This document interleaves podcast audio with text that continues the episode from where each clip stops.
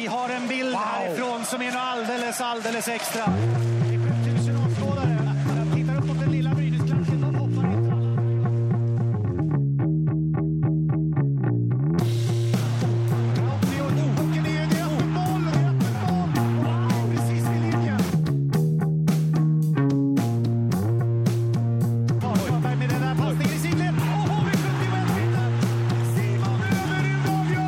Situationsrummet är tillbaka med eh, ännu ett avsnitt. Eh, Det här är en SHL-podcast som görs på hockeysverige.se och svenskafans.com.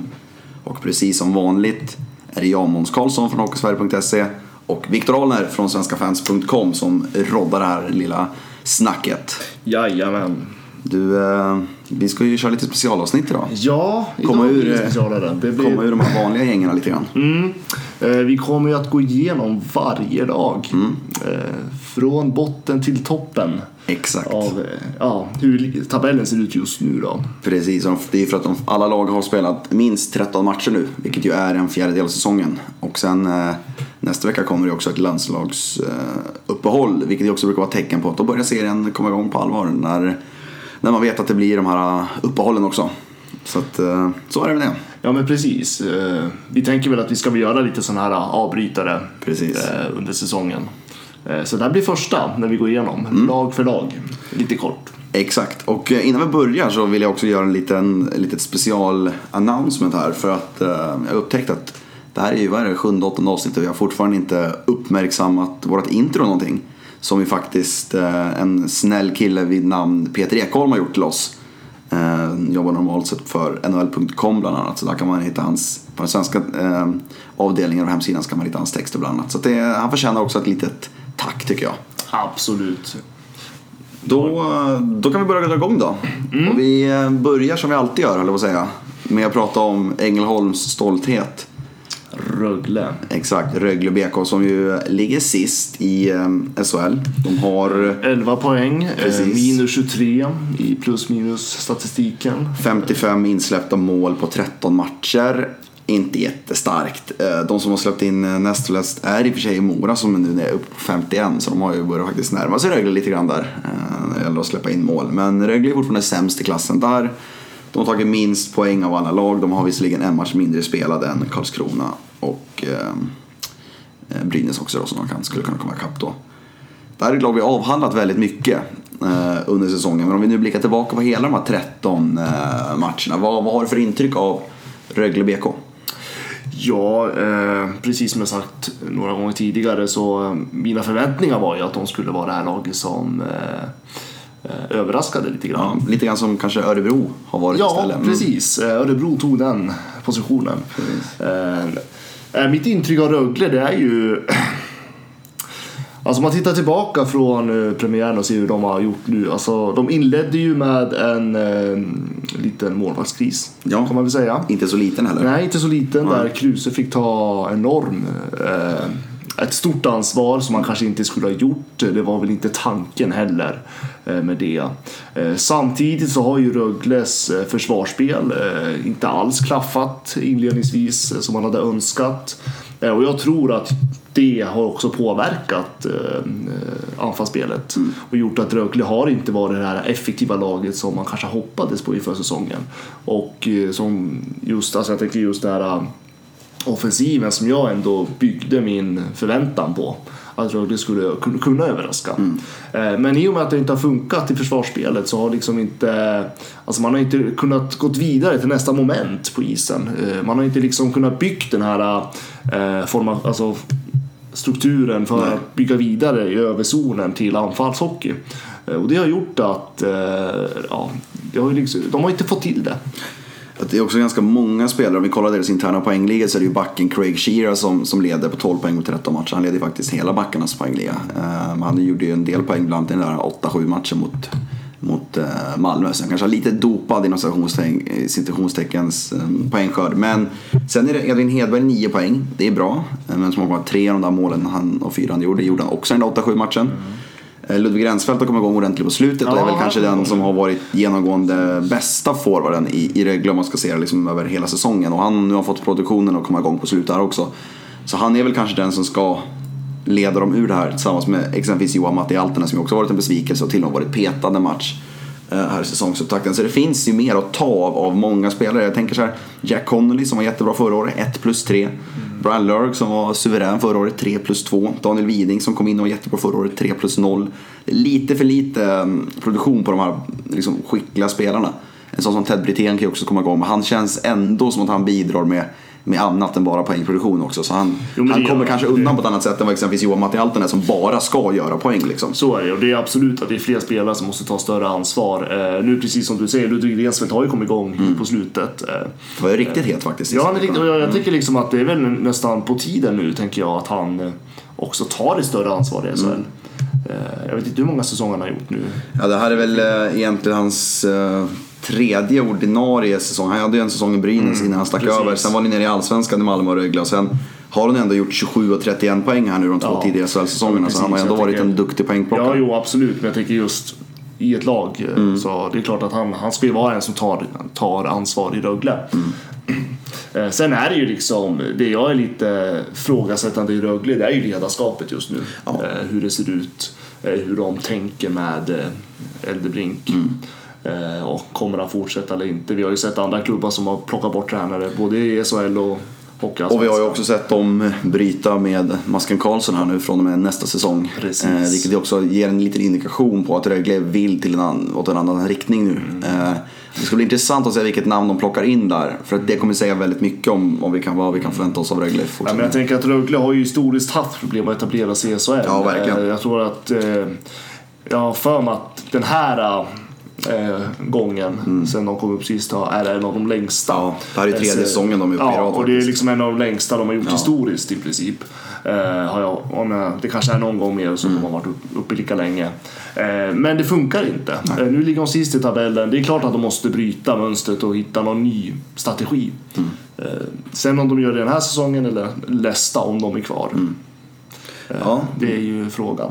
Men eh, det är klart att man får ju lite märkliga signaler när man går ut nu mitt i säsong i det läge de är att Masken Karlsson inte kommer fortsätta. Mm. Det, det, det, min teori kan ju, är ju där att om, för de måste börja leta sportchef nu om de redan har bestämt sig. Ja, absolut. Och då kan det ju vara så här, om de börjar ringa runt och leta sport, då kan det bli en jäkla storm istället. För då är det så här, oj, de gör det bakom hans rygg eller vad som helst. Så det kan ju bara varit att de gjorde det för, för enkelhetens skull. För att det inte skulle bli det här, media kommer och snappar upp det. Att de, oj, shit, de är ute och letar på marknaden liksom. Och så bam, så blir det liksom ännu större storm än vad det egentligen är. Om det nu är så att det är ömsesidigt, det vet vi inte. Men då är det ju, kan det ju framförallt vara så. Nej, det är klart, det dödar ju ryktena. Så är det. Precis. Det blir ju inte det här... äh, Det, ja, det är väl att klubben kommunicerar på en gång Mm. rakt ut. Däremot så har av tradition sällan gått bra.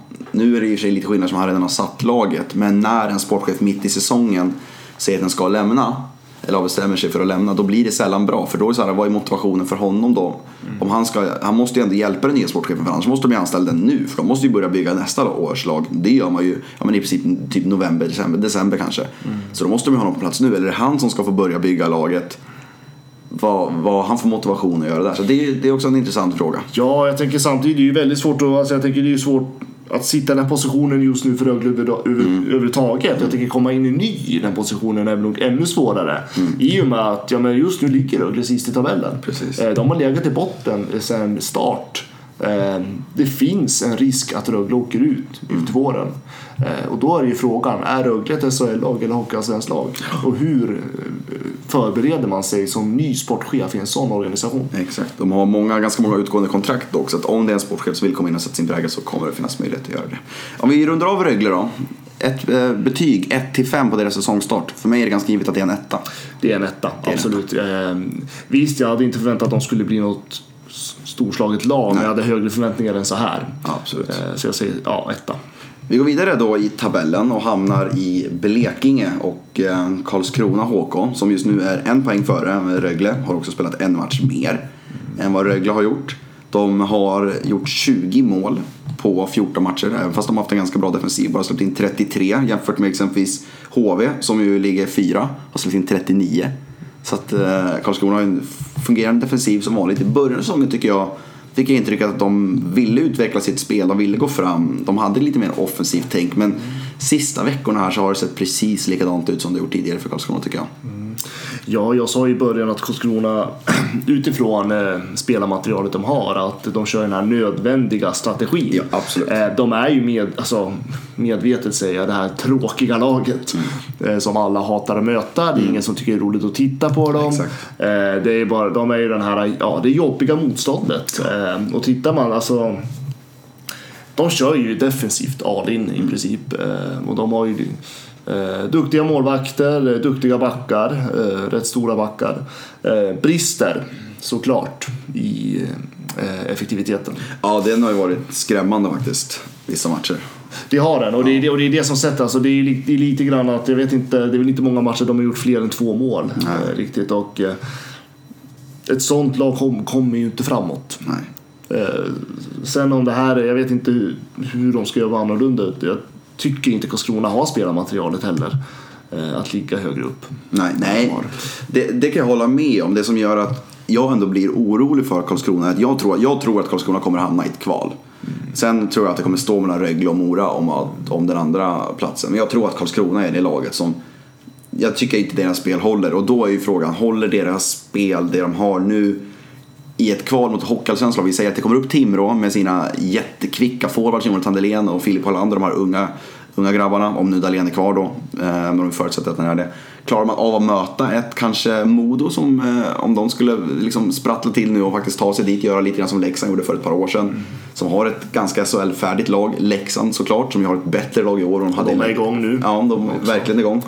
Och sen såklart AIK som ju alltid är topplag och man aldrig kan räkna bort och verkar ha, Så är verkligen det. trivas under deras nya tränare Thomas Mittell där. Och då är jag orolig för varför vill inte KHK ta det här steget för att verkligen etablera sig på egen hand liksom, istället för att, för att klara sig på motståndarlagens brister. För det, är lite grann- det, det känns som att de gör nu. Ja, men alltså det är lite, alltså leder man med ett eller två mål mot Karlskrona så vinner man matchen. Alltså de kan inte hämta upp det. De har inte den effektiviteten. De har inte det Eh, alltså, alltså sitt anfallshockey Mm. funkar inte så. Eh, utan de livnär sig på det defensiva spelet. Och det, Och det gör de ju bra. Ja, såklart. det är jättebra. De är ju sällan borta i matcherna liksom. Men ty- tyvärr, precis som du säger, just den typen av strategi brukar fungera hyfsat ibland i, ett, eh, i grundserie. Mm. I slutspelssammanhang eller i det här fallet då, en kvalserie Mm. eh, så tror jag inte alls att det kommer fungera. Nej. Sen tror jag att mycket bygger på att Karlskrona har ju inte varit en SHL-organisation. Nej, precis. Det har vi Eh, också de varit har inne på inte- tidigare. Ja, precis. Och de har ju inte den här alltså organisationen för den här ligan egentligen. Mm. Eh, och jag vet inte om de kommer hinna eh, att strukturera upp hela organisationen. För det är ju sån, det är ju en sån här process som tar tid att göra. Ja. Och det är klart att har man inte en vettig organisation då får man ju inte de ekonomiska musklerna heller. Nej. Eh, Och det gör ju att Karlskronas taktik har ju bara varit och överlevt eh, säsongen. Sen tycker jag att man har ju man har haft de här visionerna i föreningen. Man har ju liksom lovat ganska mycket. Och liksom Ja, tänkt att-. Haft några med en tanke hur det ser ut tio år framåt. Ja. Men man har aldrig fått några indikationer på att de har tagit det klivet Nej, förrän det den här säsongen. Ja. När de anställer vad är, det? Charlotte Gustafsson. Gustafsson som klubbdirektör. Mm. Men jag tror precis som vi varit nämnde på det tidigare. Jag tror att den anställningen kom för sent. Ja, nu blir det som att man försöker panikrädda situationen istället. Nu ska det vara så himla mycket förändringar på samma gång. Och det blir, om de lyckas, om de vill säga att de håller sig kvar i SHL, då kan det bli jättebra. Men skulle de åka ur nu med all den turbulens som det har varit de här första åren och sen ska vi in jättemånga snabba förändringar och så åker man ur och så är man helt plötsligt inte en SHL-klubb längre.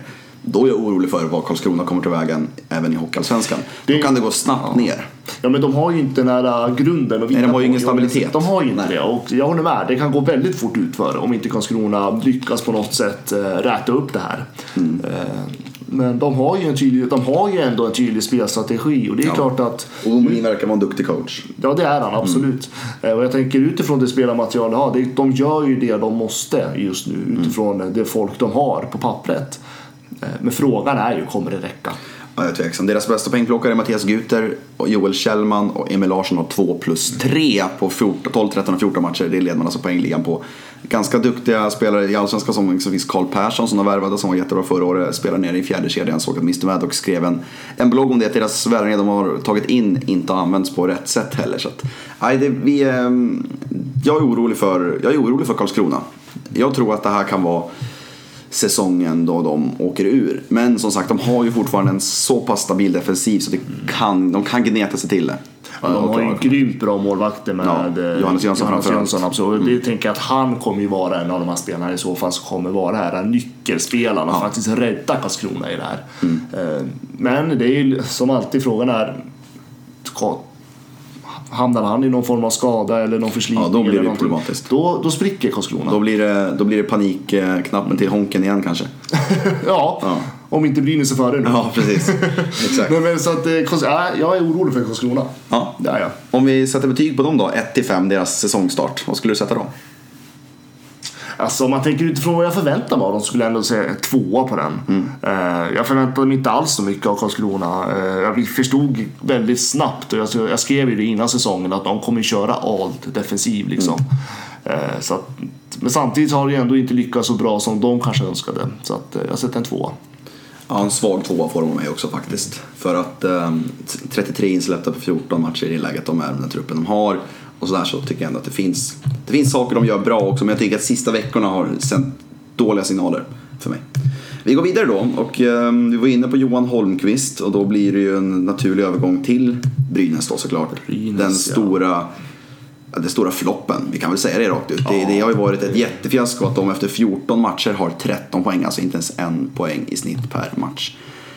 Eh, de kommer nästan, om man räknar så här snitt på hur mycket poäng lagen brukar få så, här, så läste jag någonstans att de kommer behöva ligga runt 1,8 poäng någonting resten av säsongen per match för att eh, ta sig, för att kunna känna sig säkra på en slutspelsplats. Alltså, Och just nu ligger de på under en, så de kommer i princip behöva fördubbla sin poängskörd, inte riktigt, men nästan, för att kunna känna sig säkra på att den ska gå till slutspel. Och det här har ju varit ett haveri från, från dag ett den här säsongen egentligen. Alltså jag tänker i Brynäs fall att det här började redan i somras. Eh, om man liksom får spekulera så långt. Eh, jag tänker att eh, spelade final i våras, eh, var väldigt nöjda med spelarmaterialet. Eh, värvade inte särskilt mycket. Man gjorde sig av med Oskar Lindblom eh, och bröderna Westerholm som gick till Frölunda.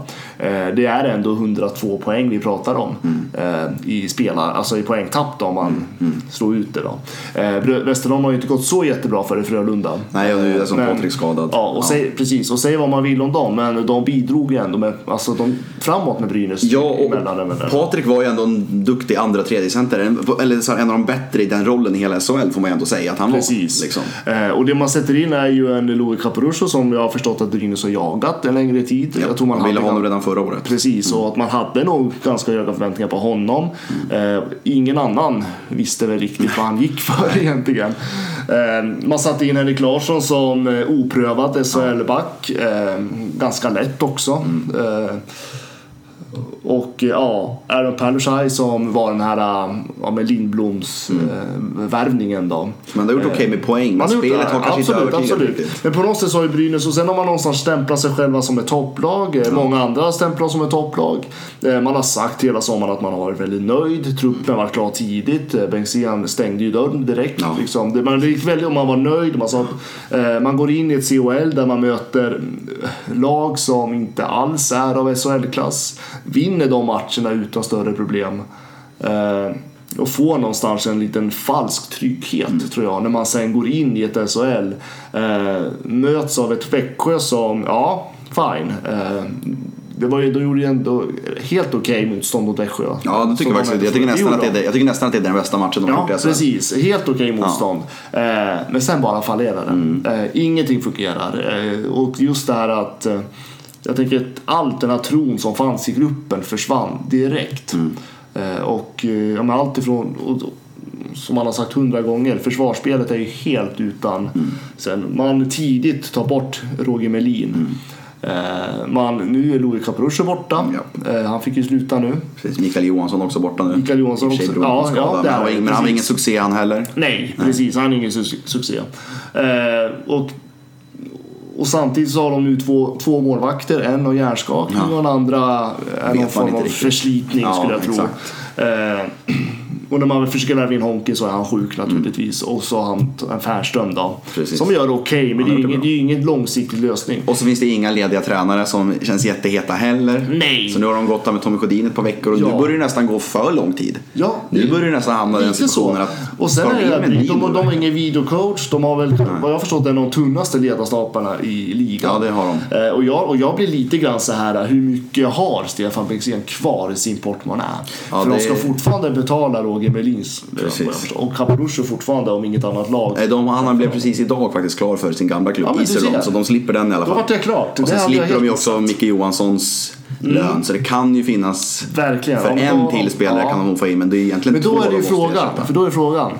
En ny huvudtränare eller en spelare? Mm. Ja. Eh, Målvaktsfrågan ser ju ganska jobbig ut Och just det är inte så att ingen har mål, det är ingen har dessutom Nej. imponerat. Och ja, men det vill jag säga är, det känns som att Brynäs någonstans, de har ju hamnat i någon riktig rävsax. Mm. Eh, som de inte riktigt kommer ut. Eh, och ja, jag skulle säga att det här är ett av ligans mest misslyckade lag just nu. Och det som är så intressant i Brynäs-fallet är att man, man kan härleda det här till Stefan Bengtzén har misslyckats med sina värvningar här för ovanlighetens skull. Kristoffer Liljevall platsade inte i början, har faktiskt varit ganska okej på slutet. Henrik Larsson har gått motsatt väg, fått ganska, fick börja med en hel del speltid men har tappat, nu är han sjunde back, kanske till och med åttonde back. Mm. När Fält kommer tillbaka på helt allvar och sen kanske Sanetti kommer in i bilden. Då kan han vara nere på åttonde enback för Ersson har ändå gjort det helt okej. Ehm, sen har vi då Caparuso som redan är borta. Roger Melin, en annan förstärkning eller man ska säga, är redan borta. Micke Johansson är borta. Kvar är då liksom Aaron Palushaj som är den enda som är kvar. Av nyförvärven. Ja, det är det, och så då kan man börja där. Men sen kan man också tänka, Roger Melin var misslyckad. Han gjorde förmodligen inte, han kan inte vara så jättenöjd med sitt jobb heller för det blev, då blir det inte som det blir. Då kommer det ner till spelargruppen. Vilka har egentligen uppfyllt förväntningarna i Brynäs spelartrupp den här säsongen? Jag kan inte räkna upp många namn där som jag tycker har gjort det bra. Jag kan, tänka, jag kan tycka att eh, det är typ Johan Alsen som kommer upp på sin nivå. Eh, ett par killar, alltså så här, det är de, de där, Daniel Mann, Ja, det, alltså, det det är de här grovjobbarna. Exakt. Granström har ju kämpat. Ju- Ikonen, Jusso Ikonen har varit bra på har gjort slutet. bra på, Ja. på slutet. Johan Alsen, han gör ju som han, men han är ju inte den här spelaren som lyfter någonting. Exakt. Han, är ju den här, han går in och gör grovjobbet. Och med tanke på hur spelargruppen ändå kastade Roger Melin under bussen på det sättet de gjorde. Matchen mot Skellefteå så var det som att "Ähm, nu kan vi lika gärna förlora för nu så blir vi av med den här grabben. Liksom. Då hamnade det i ledarfråga även i gruppen. Jakob Blomqvist som fick så himla mycket beröm med all rätt i våras för han fick ihop gruppen och för hur otroligt bra han var då. Är han rätt person att ta dem ur det här? Det, är så här, det finns ju ingen fas som har funkat. Nej, liksom. och det har ju inte det. Och det, är, alltså, och det är precis som du säger, i princip nästan alla nyförvärv har ju misslyckats. Ja. Eh, gruppen har ju misslyckats totalt. Och, och i lika det här sättet som jag tycker att eh, spelarna ändå pratar ut i media efter när Roger Melin Ja. lämnade. Eh, jag tycker inte att det, det var inte bra rätt gjort. Jag tycker liksom någonstans kändes det väldigt oprofessionellt. Verkligen. Sen är det såklart att vi, vi vill ju ha svar naturligtvis. Eh, och så. Men jag tror det finns så mycket under, under ytan som inte vi Ja, inte vet, vet om än. Helt Och, övertygad om. Nej, men jag tycker hela, alltså det känns som att hela Brynäs på något sätt, de, de målade sig in i något hörn av att de skulle bli den här storklubben, att de nu skulle liksom etablera sig. Och Brynäs har inte varit, de har inte blivit sedda som ett topplag på 20 år Nej, mer eller mindre. de har ju inte det. De gulden de har vunnit har ju varit överraskningar. Finalen förra, året, förra säsongen var en överraskning. Mm. Då var de tippade ja, mitten, kanske till och med under halvan. Framförallt 2017, förra säsongen, så var de inte alls sedda som ett potentiellt topplag. Nej, och jag, jag, jag tycker absolut inte att Brynäs överpresterade förra säsongen. Jag tycker det är väldigt förenklat sätt att uttrycka så. Jag vet att många har gjort det. Eh, Utan eh, Brynäs, eh, de skapade den bästa för, alltså förutsättningen för sig själva. De hittade sin maxkapacitet förra säsongen. Eh, Och det har ju någonting med bra ledarskap att göra, tänker jag. Absolut. Och att man, bra timing i gruppen, naturligtvis. Men att nu har man inte fått ihop det, så nu är man bara i, ja, jag vet inte hur de ska lösa det här. Ett kort svar. Ja. Klara Brynäs, tar de sig till slutspel? Oj. ja, Ja. de, eh, play-in kommer de till, men slutspel, där. Ja, det är, nu, är, nu räknas Eller åttondelsfinal, ja, precis, kanske det, man ska det säga. räknas ju som slutspel nu. Så det, Ja, men men tar de sig till slutspel? Du tror att Ja. de tar topp 10? Det tror jag. Jag tror inte de gör det. Du tror gör Jag tror att det är, haveriet är, det är för djup grop att ta sig ur. Tror jag. Får jag göra ett utlåtande? Mm. Tar de in Honken, då kommer de till åttondelen. Det, ja, det blir ju intressant att se hur de löser den där. Eh, och så går vi då till sista frågan. Betyg 1-5. Här behöver vi inte göra någon längre utläggning. Nej, jag säger en etta. Det är väl den tydligaste ettan Ja, det är, det är misslyckat i föreningen. Ja, verkligen. Ja, det ska bli intressant att, att följa Brynäs faktiskt, hur de tar sig ur det här. Vi går vidare i tabellen, går upp ett, ett litet snäpp och då går vi upp till nykomlingen Mora som ju vi redan i första podden i försäsongen sa att det här kommer ju vara en helt annan nykomling än det Leksand var förra året. För att de har ju ett mycket bättre lag till att börja med, spelare för spelare. Bra sammansatt lag. Många liksom moderna, ganska frejdiga spelare och de har ändå gjort det ganska bra tycker jag. Jag gillar Mora, det jag har sett av Mora så långt. Ja men Mora har ju någonstans känts som de här äh, nya tuffa nykomlingarna Mm. som liksom ändå har vågat utmanat på något helt annat sätt än vad jag tycker vi har sett tidigare lag. Ja, men jag bortsett från Växjö då. Ja, precis. Eh, naturligtvis. Oj. Och... Eh, nej men jag tycker de, de har gjort vad jag har förväntat mig av dem Mm. i, lite grann. Eh, de ligger såklart i tabellens nedre skikt eh, och jag tänker Men det kan man inte förvänta sig. Nej, jag tänker det ska de göra. De har ju känt av hur det är att spela i SHL nu. Mm. Jag tycker att det är där någonstans de kommer ligga. Det känns så. Och de... Eh, jag, jag, varje match jag har sett Mora, jag har inte sett alla matcher, men jag kanske har sett en, åtminstone fem, sex, sju stycken. Ja, de har varit bra i alla matcher jag har sett dem. Jag, så jag är, så här, jag är lite förvånad över att de inte har nästan mer poäng. För jag tycker att varenda gång man har sett dem så har de spelat riktigt bra. Det känns som de har ett eget spel på ett annat sätt än vad som sagt Karlskrona och Leksand hade när de gick upp. Eh, kanske Rögle i viss mån också, men Rögle har ju haft, som vi var inne tidigare, väldigt svårt att etablera sig. Mora kommer upp här med en ganska skön attityd. Deras nya tränare Mattias Karlin kommer in, gör det jättebra. En perfekt, perfekt i det här laget. Perfekt ersättare för Jeremy Colliton. Um, Christian Engstrand vet man är en okej målvakt i SHL. De har en bra backsida som de har förstärkt ytterligare nu sista veckorna med, med Fagerud och Gormley. Där, så det. det, är- Just det. det är Eh, redan, det är, ju- defensiven har ju ändå varit problemet. De har ju släppt in väldigt mycket mål. Men jag tycker ändå att det här är ett hårt jobbande lag. De kommer, jag tror inte de kommer komma in i de här svackorna där de kanske förlorar 6, 7, 8 matcher i rad som de många andra nykomlingar gör. Jag tror, inte, jag tror de kommer ta sina poäng. De kanske kommer ligga där som de har just nu, ungefär en poäng per match. Lite drygt. De kanske hamnar på 60 poäng eller något sånt där och då klarar man sig. Och mer än så kan man inte begära av dem. Nej, absolut inte. Alltså Mora känns ju någonstans som där, äh, ett modigt äh, underdogslag Mm. på något sätt. Äh, Precis som du nämnde med Karim, att man tog in äh, egentligen en oprö- ganska oprövad tränare. Ja. Äh, man valde att ta bort, äh, vad var det han sa, att de etablerade kändes så trötta. Ja. Ut där i media och sa. Precis. Eh, Vilket ju med facit i hand, om man kollar hur det har gått för de etablerade, så har man ju rätt. Så har han rätt hittills. Eh, Man väljer istället att satsa på kanske en hungrig tränare eh, och eh, facit i hand, helt rätt tänk. Eh, Som också är, kan jag tänka mig, lite billigare att ha i kontraktet också. Så att, nej, men Mora känns också Eh, nej men det känns som de är, de är ju underdogs men de är ändå vå- modiga. De vågar köra sin, sin typ av hockey. Eh, och det är oftast sådana nykomlingar som faktiskt lyckas också. Som vågar Precis. liksom eh, att man inte faller in i det här trygga liksom, men nu ska vi satsa mycket defensiv bakåt. Nej, och man, det, det är det som är så synd med det här kvalsystemet som är nu. Att då kan de ändå känna, för när det var kvalserien då var det ändå en enorm mental grej. Att man mötte de här, man skulle möta fyra allsvenska lag. Nu räcker det att möta ett allsvenskt lag, vinna mot dem fyra matcher. Många tror jag fastnar i en liten trygghet här att men det löser sig ändå. Det, Leksand var förberedda för någon gång två att de skulle kvala, men då, då är det det, det löser sig då. Då är det skönt att det kommer ett lag som ändå känns som att, nej men vi, vad ska vi kvala för? Ja, precis. Varför ska inte vi kunna komma före Örebro och Luleå och ta en tionde plats liksom? Ja, precis. Det, och gå till slutspel. Och de har lyckats ganska bra med sina nyförvärv också. John Persson som vi pratade också en del om i försäsongen leder interna poängligan med åtta poäng. David Kasche, en ung, ung tjeck som jag inte hade jättebra koll på. Har, varje match jag har sett har han nästan varit den bästa forwarden i, em, i Mora. har också gjort åtta poäng. Vem, vem värvar in en ung tjeck, en 20-årig tjeck till SHL liksom? Alltså det, det händer ju inte. Nej. Och att och liksom hitta en sån spelare och, och liksom få den spelaren att leverera. Det är också en styrka tycker jag. Ja, och Mora är ju lite tvingade också att vara väldigt smarta. Eh, De har ju absolut inte samma resurser som... Mm. de har inte den största eh, pengapåsen. Nej, absolut Nej. inte. Eh, liten arena. Eh, De har ju liksom inte alls samma förutsättningar som konkurrenterna. Mm. Och då måste man ju vara lite smart. Man måste alltså maximera fingertoppskänslan lite grann. Och det tycker jag att det har man lyckats bra med. Eh, Så, att- nej, men jag tror att eh, Mora kommer nog kunna haka sig fast i den position Ja, de befinner sig i nu, idag. Om jag säger som jag gjorde förut eh, med Brynäs-frågan där. Det kanske inte är rätt att fråga tar sig Mora till slutspel. Men undviker Mora kval? Ja, Mm. Ja, då gissar jag att du tror att det är Karlskrona och Rögle som får, får kvala. Så här med tre fjärdedelar kvar av säsongen. Idag? ja. ja, men nej, ja, det tror jag faktiskt. Jag tycker att Mora är ett bättre lag än både Karlskrona och Jag hopp, det vore kul, jag hoppas att de, att de gör det. det. Det är så att vi behöver en fräsch nykomling som, som Mora och det, jag tycker de spelar en ganska Samtidigt, kul hockey. ja, samtidigt så känns ju- alltså Mora är ju lite mer klassiska än Karlskrona till exempel. Ja, det är de ju verkligen. Eh, Rögle, de har ju varit Att de är tider. lindansarlaget, nummer ett. precis. Betyg då? 1 till 5. Här tycker jag det var ganska svårt.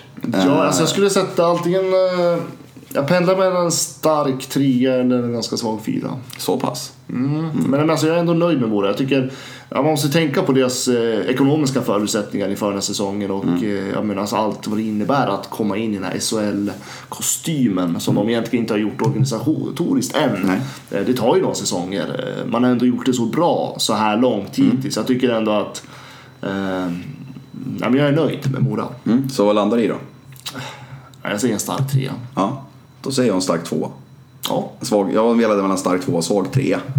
Eh, för att det är många andra lag som ofta också har underpresterat och att det, därför skulle de kunna kanske tagit några poäng till. Eller ja, en, men en, en stark tvåa, svag trea, det, det blir en det blir en svag trea ändå.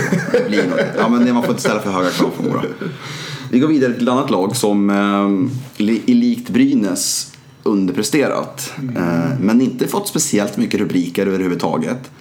Ja, men de har väl, alltså Linköping har ju gått under radarn tack vare att det är andra lag som har haft lite mer kris ändå i maskinen. De överlever på Brynäs eh, megakris kanske. Och Rögles. Ja, lite så. Ja, men Brynäs och Rögle är ju de här två lagen som har tagit rubrikerna. Mm. Eh, Linköping satsade ju väldigt mycket på att bredda Mm. sin offensiv den här säsongen. Eh, både du och jag frågesatte väl lite grann eh, Dan, Dan Hagnes, ja. Agnes, ja. Mm. Eh, att det kanske inte är rätt typ av tränare för att Nej. ta Linköping till nästa nivå. Nej, och båda vi var ju fundersamma över varför de förlängde med honom efter förra säsongen överhuvudtaget. Jag tycker att de skulle ha väntat med det till den här, efter den här säsongen och sett vart, vart är klubben på väg nu. Klubben har inte direkt gått framåt under de två åren han har haft huvudansvar, snarare tvärtom. Men de har varit det här stabila grundserielaget, men sen så åker de ut i kvarten. Vad har han gjort för att bevisa att det är han som ska leda laget? Jag tycker att den här säsongen hade varit utmärkt liksom för, för Linköping att se. Är det honom vi ska satsa på? Nu har man satt sig i en lite dum situation tycker jag. Ja men man har gjort det och sen blir det lite grann där, alltså Linköping har ju nu varit med i SHL så, mång, så länge. Ja. Eh, man har aldrig riktigt lyckats tagit nästa kliv. Jag tycker man har stått och stampat år ut och år in. Ja. Eh, man har ju bara gått och väntat på att det ska smälla till i Linköping. Att Mm. liksom, men nu, nu är de igång. Man får aldrig den känslan riktigt. Eh, de har ju ganska länge byggt på en stark första kedja eh, som har producerat Från nordamerikanska spelare framförallt. Precis. Brock Little och de här. Eh, nu prövade man en liten ny strategi. Man försökte bredda Mm. den här offensiven lite grann. Men precis som du säger, Dan Tagnas, han har ju liksom inte höjt det här laget. Jag tycker spelmässigt så är inte alls alltså jag, jag känner inte igen Linköping längre. Jag tycker man har backat. Ja, det tycker jag med. Jag tycker de känns väldigt slätstrukna och det är som Mm. sagt tidigare har ju Linköping varit det här laget som visserligen då aldrig funkar i slutspelet men de har haft enormt, enormt stark offensiv på, på pappret. De har letts av kanske en eller två riktiga storkedjor. Ända från Linka och Lavac, Mårtensson och Weinhandel, Söderberg hade de ju, Söderberg och Ahlbrandt. Brock Little och Gordon och så vidare. De har alltid haft dem där. Och nu i och för sig, Derek Roy har gått in och gjort det bra. Mattis Olin blir mycket bättre i år än förra året. Andrew Gordon har gjort en del mål och sådär. Men det är inte alls på samma nivå som vi är vana att se. Och nu har ju inte målvaktsfrågan med Jonas Gustafsson som ju kom in som en stor värvning heller riktigt varit den här som de hoppades på. De har ju saknat den här givna första målvakten. Det har ju varit Rautio Högberg och Högberg och Jakob Johansson och sådär.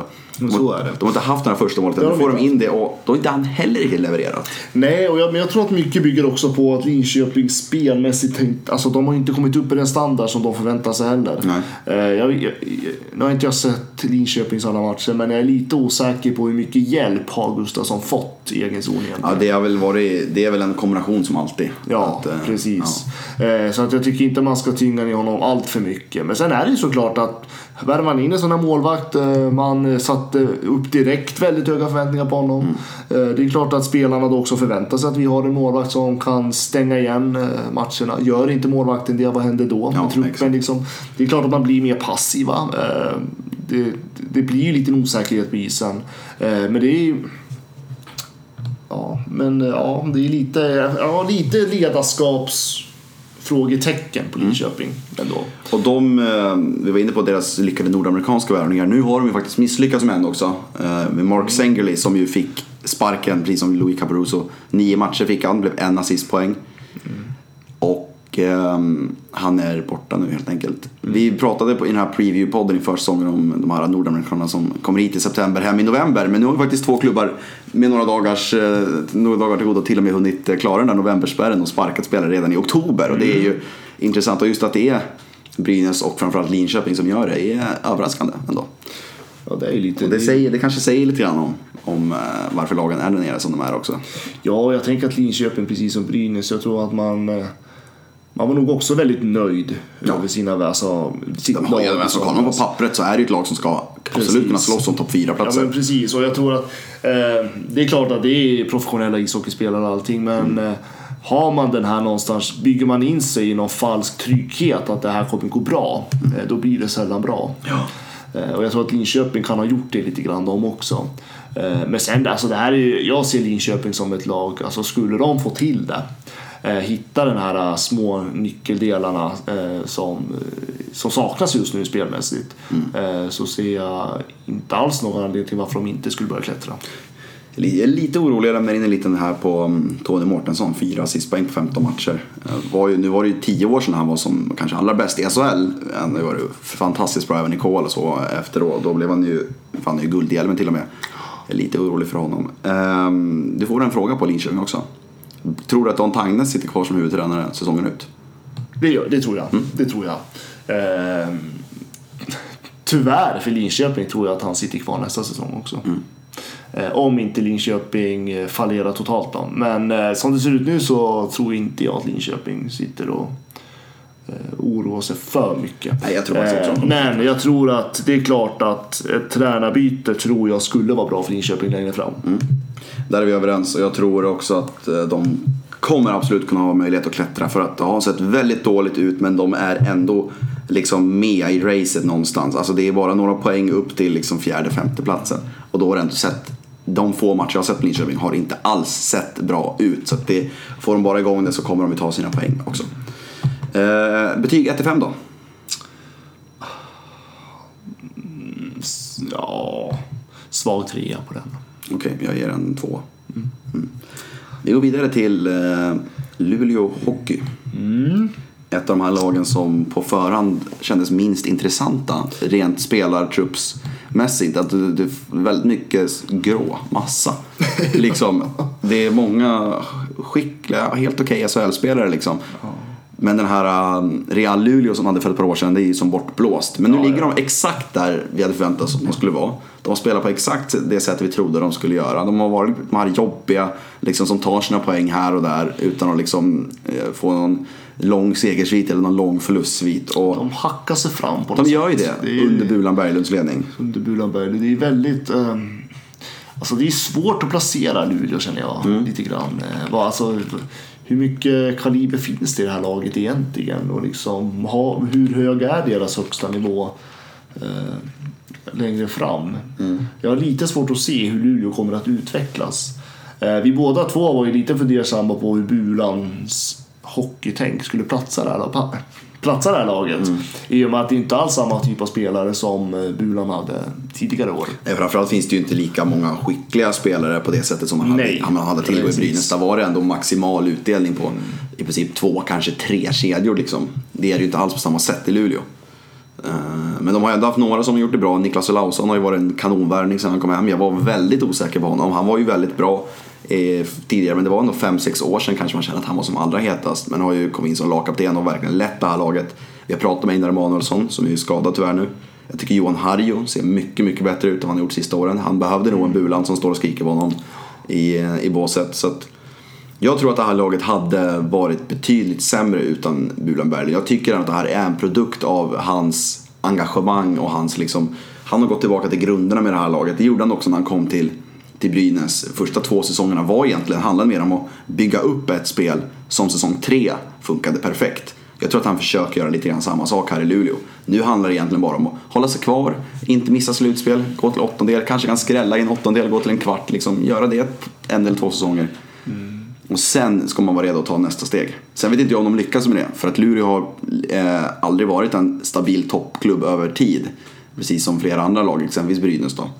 Men jag tycker ändå att eh, det, de behöver inte vara oroliga på något sätt tycker jag. Nej, det tycker inte jag heller. Eh, Jag ser Luleå lite i en process där de faktiskt håller på eh, eller en liten omstartsprocess. Exakt. Eh, Jag tyckte ändå att Luleå hade någonting på gång för några säsonger sedan och framåt eh, när de var det här lite real-känslan Precis. liksom. Och de var det här tunga Luleå som var jobbiga att möta. Tog sig till slutspel, eh, vann väl serien där någon säsong Precis, också. under Jonas Rönnqvist och Bulas Ja, precis. Eh, sen så backade hela organ- organisationen kändes det som. Eh, man började plötsligt prata om eh, ekonomiska bekymmer i klubben. Det var väl inte lika ljusa siffror till slut. Eh, det känns som att Luleå på något sätt är inne i någon omformation i, alltså i själva organisationen och spelarmässigt och budgetmässigt. Eh, Så att det känns ju någonstans som att Buran har kommit tillbaka som den här som ska liksom skapa någon form av trygghet i gruppen och liksom ändå se till att Luleå ska vara det här laget som ja, men lite slagkraftigt ändå. Tillräckligt för att inte få Luleå att falla riktigt. Så jag håller med. Jag tycker att eh, Thomas Buran Berglund har, äh, har nog var, var nog den tränare som Luleå behövde. Även om jag trodde annorlunda inför den här säsongen så tycker jag ändå att, Eh, att jag är positiv till det. Jag tycker det är kul också, som en grej som inte är jättevan med, med Luleå är att de har fått fram ett par riktigt intressanta egna grabbar här med Einar Emanuelsson och Isak Lundeström. Framförallt Isak Lundeström som ju draftas i sommar, kommer gå i första rundan. Om jag gör en bra sång här kan jag tänka mig att han går kanske topp 15 någonstans där. Jätteintressant spelare som snittar ungefär en halv poäng per match och liksom fortfarande odraftad. Det är ganska bra liksom i en tuff liga som, som SHL ändå är. Så att eh, det finns eh, det finns saker mer att kräma ur i Luleå men jag tror inte de ska förvänta sig någonting annat än det vi har fått se första fjärdedelen av säsongen här om man säger så. Nej, jag tror att Luleå kommer att fortsätta hacka sig fram den här säsongen. Eh, Man kommer att... eh, eh, Det är ju... Ja, det är väl det här, det man ser av Luleå idag. Jag tror lite det man får förvänta sig av dem den här Exakt. säsongen. Men de gör ju ändå tillräckligt för att hålla sig ändå rätt bra under vattenytan. Så att... Nej, det är bara att fortsätta att tuffa på för Luleå. De ligger nia just nu. Högre eller lägre när säsongen är slut? Eller samma? Vad tror du? Samma, Mm, tänker jag, tror, jag tror också det. Jag tror att det är plus, plus minus en placering. De Ja, kommer vara 8 kanske. 10 precis som vi trodde eh, inför säsongen. Och eh, sagt, det går inte att förvänta sig någonting annat med det laget de har. För att eh, de har inte bättre lag än egentligen något av de lagen som de ligger framför utom möjligen Örebro. Örebro då, Men då finns det ju Linköping och Brynäs bakom dem som har starka lag på pappret än vad Luleå har också. Precis, och jag tänkte, så att eh, är, är det någonting som kommer att, som hotar Luleå då, då är det Örebro, Linköping och Mm. kanske Brynäs då, det beror ju på. Det är ju stort frågetecken där. Mm. Eh, Men i alla fall Linköping och hotar ju Luleå naturligtvis och är det. Örebro. Men annars så tror jag ändå att Luleå håller sig ganska stabilt i Mm. tabellen där de är idag. Vad ger du för betyg då? 1 till 5? Nej men eh, som att jag eh, hade lägre förväntningar än vad på Thomas Bulan Berglund, den här truppen har visat. Så sätter jag ändå en eh, svag fyra. Jag är en trea ja, så jag är ett steg under som vanligt. Eh, jag tycker att de har gjort det bra. Men jag är mer positiv Ja, än vad du är. exakt exakt. Men det här laget som vi ska gå in på nu finns det ju faktiskt anledning att vara lite oväntat positiv kring. För det är ju Örebro som ligger åtta. Det är ju ingen superplacering på det sättet. Men inför säsongen så var jag snarare orolig för spelar Örebro i SHL nästa säsong. Alltså de skulle lika gärna kunna vara ett kvallag för mig. För jag tycker att de har mycket skulle hänga på deras nya målvakt där, Eero Kil- Kilpeläinen. Man vet aldrig med målvakter. Det är lite ett lotteri vilka som är, blir bra och vilka som inte blir bra. Deras backsida kändes ja, okej, men det fanns ingen som stack ut. Och deras forwardsida, då var det mycket så här, ja men Tom Vandell måste göra en jättebra säsong, Joakim Andersson måste vara skadefri och så vidare och så vidare. Och Sakari Manninen och Jerry Sallinen, de här nyförvärven måste bli succéer. Men det är ändå så här, och det har inte blivit så, men ändå har Örebro gjort det bra. Alltså de, även fast det är ingen så här Ja, det är Kilpeläinen som varit bra. Sen har ju Marcus Weinstock varit en stor överraskning. Men annars är det ju så här att de flesta spelarna levererar ungefär vad man hade förväntat sig. Och ändå gör Örebro så pass mycket bättre som de är. Och jag tycker det är ändå ett imponerande, en imponerande start på säsongen av, av Niklas Sundblad och hans mannar. Mm. Alltså, ja, jag tycker alltså Örebro har man mycket positivt att säga om. Mm. Säga. Nej, men alltså Örebro för mig det är någon sorts så här riktig så här klassisk mönsterhockey. Alltså det är så tydliga strukturer i ja, coachningen absolut. där. Jag tänker så här, Marcus Weinstock, eh, Libor Hudacek, Tom Wandell, eh, Daniel Wiksten, Tyson Spink, Sakari Manninen, Tyler Spink och så vidare och så vidare. De ligger nästan exakt på lika mycket speltid mm. allihop om man tittar. Eh, och jag tänker att eh, Örebro, där är det ju kollektivet mm. som spelar. Och det är så tydligt när man ser på coachandet. Mm. Alla spelare har nästan exakt identiskt med speltid. Eh, och just att, eh, som du säger, det är inte, alltså, inför den här säsongen trodde man absolut inte att Örebro skulle eh, ligga där de här idag, tänkte nej. jag i alla fall. Nej, nej, nej, det var många. Eh, utifrån spelartruppen. Precis, de Men som trodde det. Det är just det här kollektivet, lagsport. Alltså, det är verkligen grund, alltså hockeyns hela grund är Örebro. Eh, så att jag är jättefascinerad av hur man har liksom fått ihop den här gruppen och hur man har valt att coacha och den här noggrannheten som också finns i coachningen. Mm. Eh, jag är jättefascinerad av Örebro.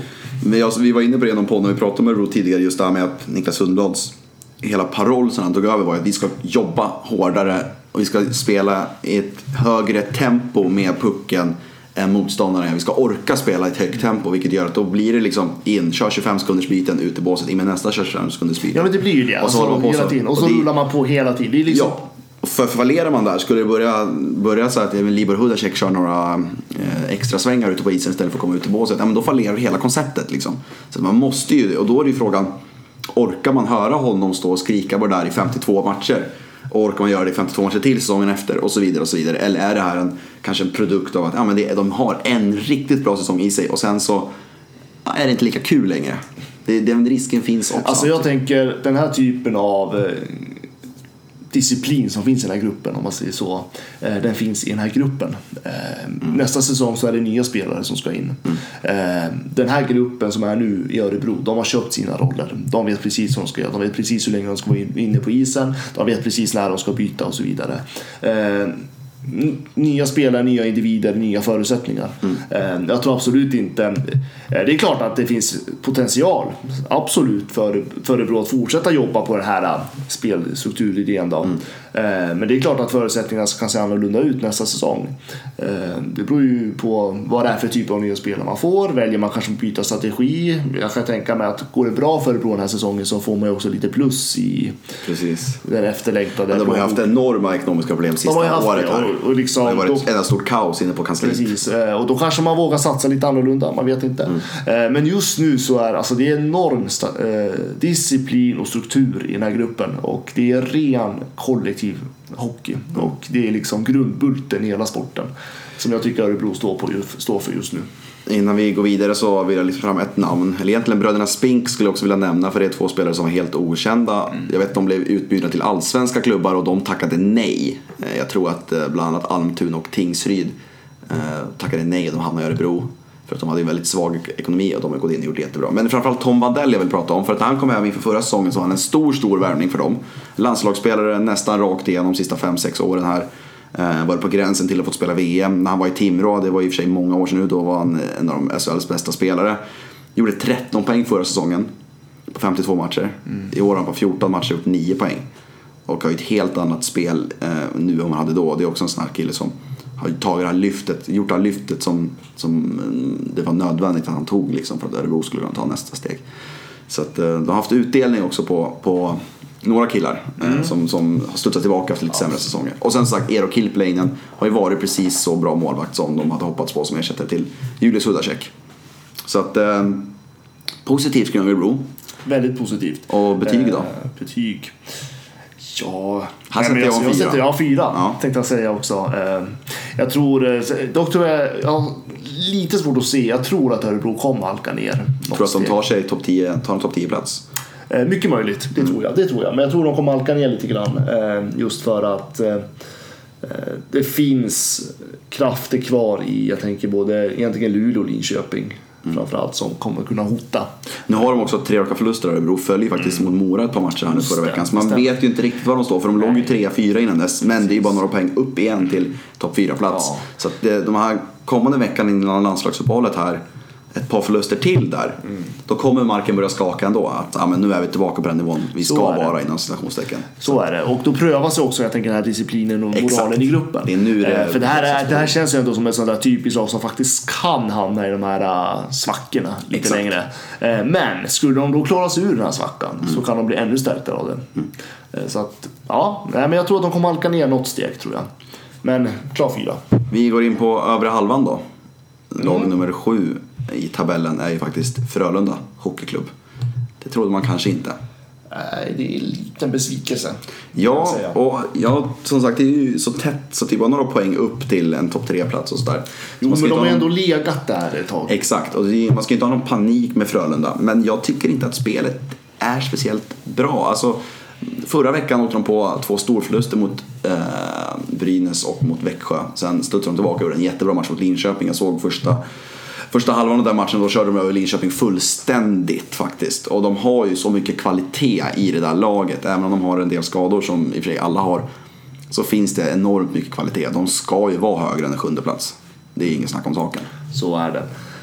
Eh, och jag, alltså jag är besviken på Frölunda. Eh, de var ju det här klara topplaget. Eh, många sa guld till dem. Eh, och jag tycker liksom, det har varit mycket snack från föreningen. Eh, de har ju, Frölunda har ju mått väldigt bra som eh, förening och man har ju varit ganska kaxiga utåt mot det kan jag tycka. Eh, både egna fansen och eh, föreningen själva.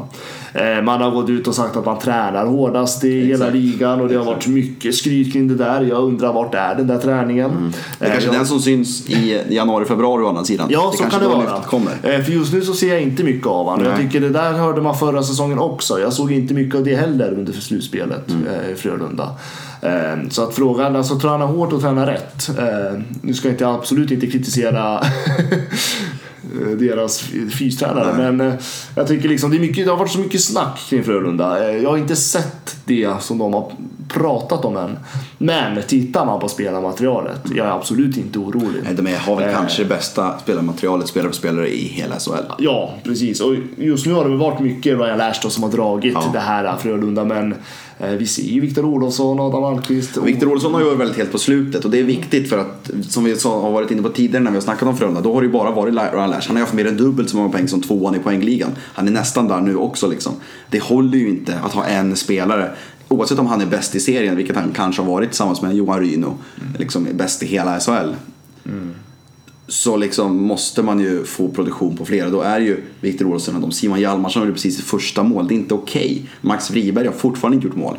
Eh, Jag läste också att fem av hans sju assistpoäng som han har i andra assist. Så han har inte varit direkt inblandad på det sättet i målen heller. Rasmus Dahlin har ju varit kanonbra och väl nästan varit deras bästa back tillsammans med Adam Almqvist. Men man ska inte behöva lita på en 17-åring heller. Det är inte han som ska, Absolut och även hur inte. bra han är. Och så hur bra han är, hur extrem han är för sin ålder så är det inte honom man kan förlita sig på en hel säsong. Och jag, och jag tänker så här, hur bra man än är när man är 17 år så är man bara 17 år. Mm. Exakt. Man ska inte ha någon form av högre förväntan. Jag du ska- ledarskap och liksom att ta ansvar på det sättet. Exakt, och nu ska han iväg och spela med Tre Kronor. Det blir en jättegrej på, verkligen på Ja. riktigt få landslagsdebutera. Han var ju med förra året också, men nu är det ju faktiskt en första trupp inför OS. Ja, precis. Sen ska han spela junior-VM i vinter. Hur kommer han vara, hur fräsch är han i januari, februari? Förmodligen inte alls så fräsch för han är 17 år. Eller så lever han bara på någon sorts ungdomlig entusiasm och bara går in och levererar. Jag tror att han kommer vara fräsch. Ja, man, att man, man, man vet ju aldrig det. Det är, Nej, så är det. Men jag tror att han kommer, jag, jag tror att han kommer vara fräsch. Eh, sen har ju Frölunda en enorm styrka i ledarskapet. Eh, Det har de. Det har vi varit inne på tidigare Ja, också. vi har varit inne på tidigare. Roger Rönnberg är för mig en av ligans absolut bästa tränare. och snarare som Joel Lundqvist om man pratar Precis, ledarskap jag på tänkte vi ska isen. in på honom. Eh, Joel Lundqvist som har all den erfarenhet han har och den ledartyp han är. Jag tror att det, det, oavsett att Frö, hur dålig start Frölunda haft utifrån förväntningarna så har de ju legat väldigt lugna i botten. Eh, och, eh, och Rönnberg är ju liksom en eh, tydlig eh, enkel ledare eh, som eh, ja, men, eh, dirigerar väldigt tydligt spelarnas positioner och roller. Eh, och jag tror absolut inte att han eh, bortser från någon detalj som inte fungerar utan eh, Nej, men jag tror, jag tror stenhårt på Frölunda. De kommer att resa sig. Även om jag absolut inte är nöjd med hur de har sett ut nu så tror jag absolut att det kommer att bli en förändring. De inledde ju förra säsongen extremt starkt och kände sig ju oslagbara första 30-35 matcherna egentligen. Sen tappade de formen lagom till slutspelet och sen åkte de ut till semifinal. Så det kanske är en motsatt riktning för att se dem i år. Eh, Ja, alltså att, att de snarare gör som HV som var ju som allra, allra bäst Ja. i februari när slutspelet kom igång. Liksom. Så är det mycket möjligt och jag tänker absolut att, precis som jag sa, jag såg inte den här träningen i slutspelet för Frölunda. Men man kanske också lade fel strategi. Eh, för att det handlar om långsiktig strategi. Eh, man har säkert gjort om och lärt, tagit lärdom av det den här säsongen. Eh, så att Frölunda är väl kanske ett av de mest intressanta lagen framöver och se hur det, den utvecklingen kommer bli. Absolut. Jag tror att det kommer vara jobbigt att möta vara i Skandinavium eh, senare i vinter. Betyg kort, 1-5. Eh, ja, just nu tre. Jag säger, Eh, jag säger 2. Du säger två. Ja. Som vanligt är jag snällare. Ja. Men nu går vi vidare för nu är det ganska intressant. För nu är det alltså lag 7 och 6 vi pratar om i tabellen och det är Frölunda och Skellefteå. Det, är ganska, det är ändå lite förändringar på gång i svensk hockey när man ser vilka klubbar det är som ligger 7 och 6. Skellefteå vann serien fyra år i rad, kom sexa förra året och har ju inte tagit något steg den här säsongen. De har i princip samma spelartrupp. Som de gjorde väl två, tre nyförvärv bara. Det var Jonathan Pudas och ett, eh, ett par till. Eh, Nästan samma lag, samma målvaktspar i princip, samma backuppsättning. Tappar såklart ett par backar och spetsen framåt är ju densamma. Eh, Det är ju Matt Anderson som kom in ny från, från Djurgården där. Annars är det ju samma spelare som ska göra det med Holloway, Möller, ehm, Lindström och så vidare.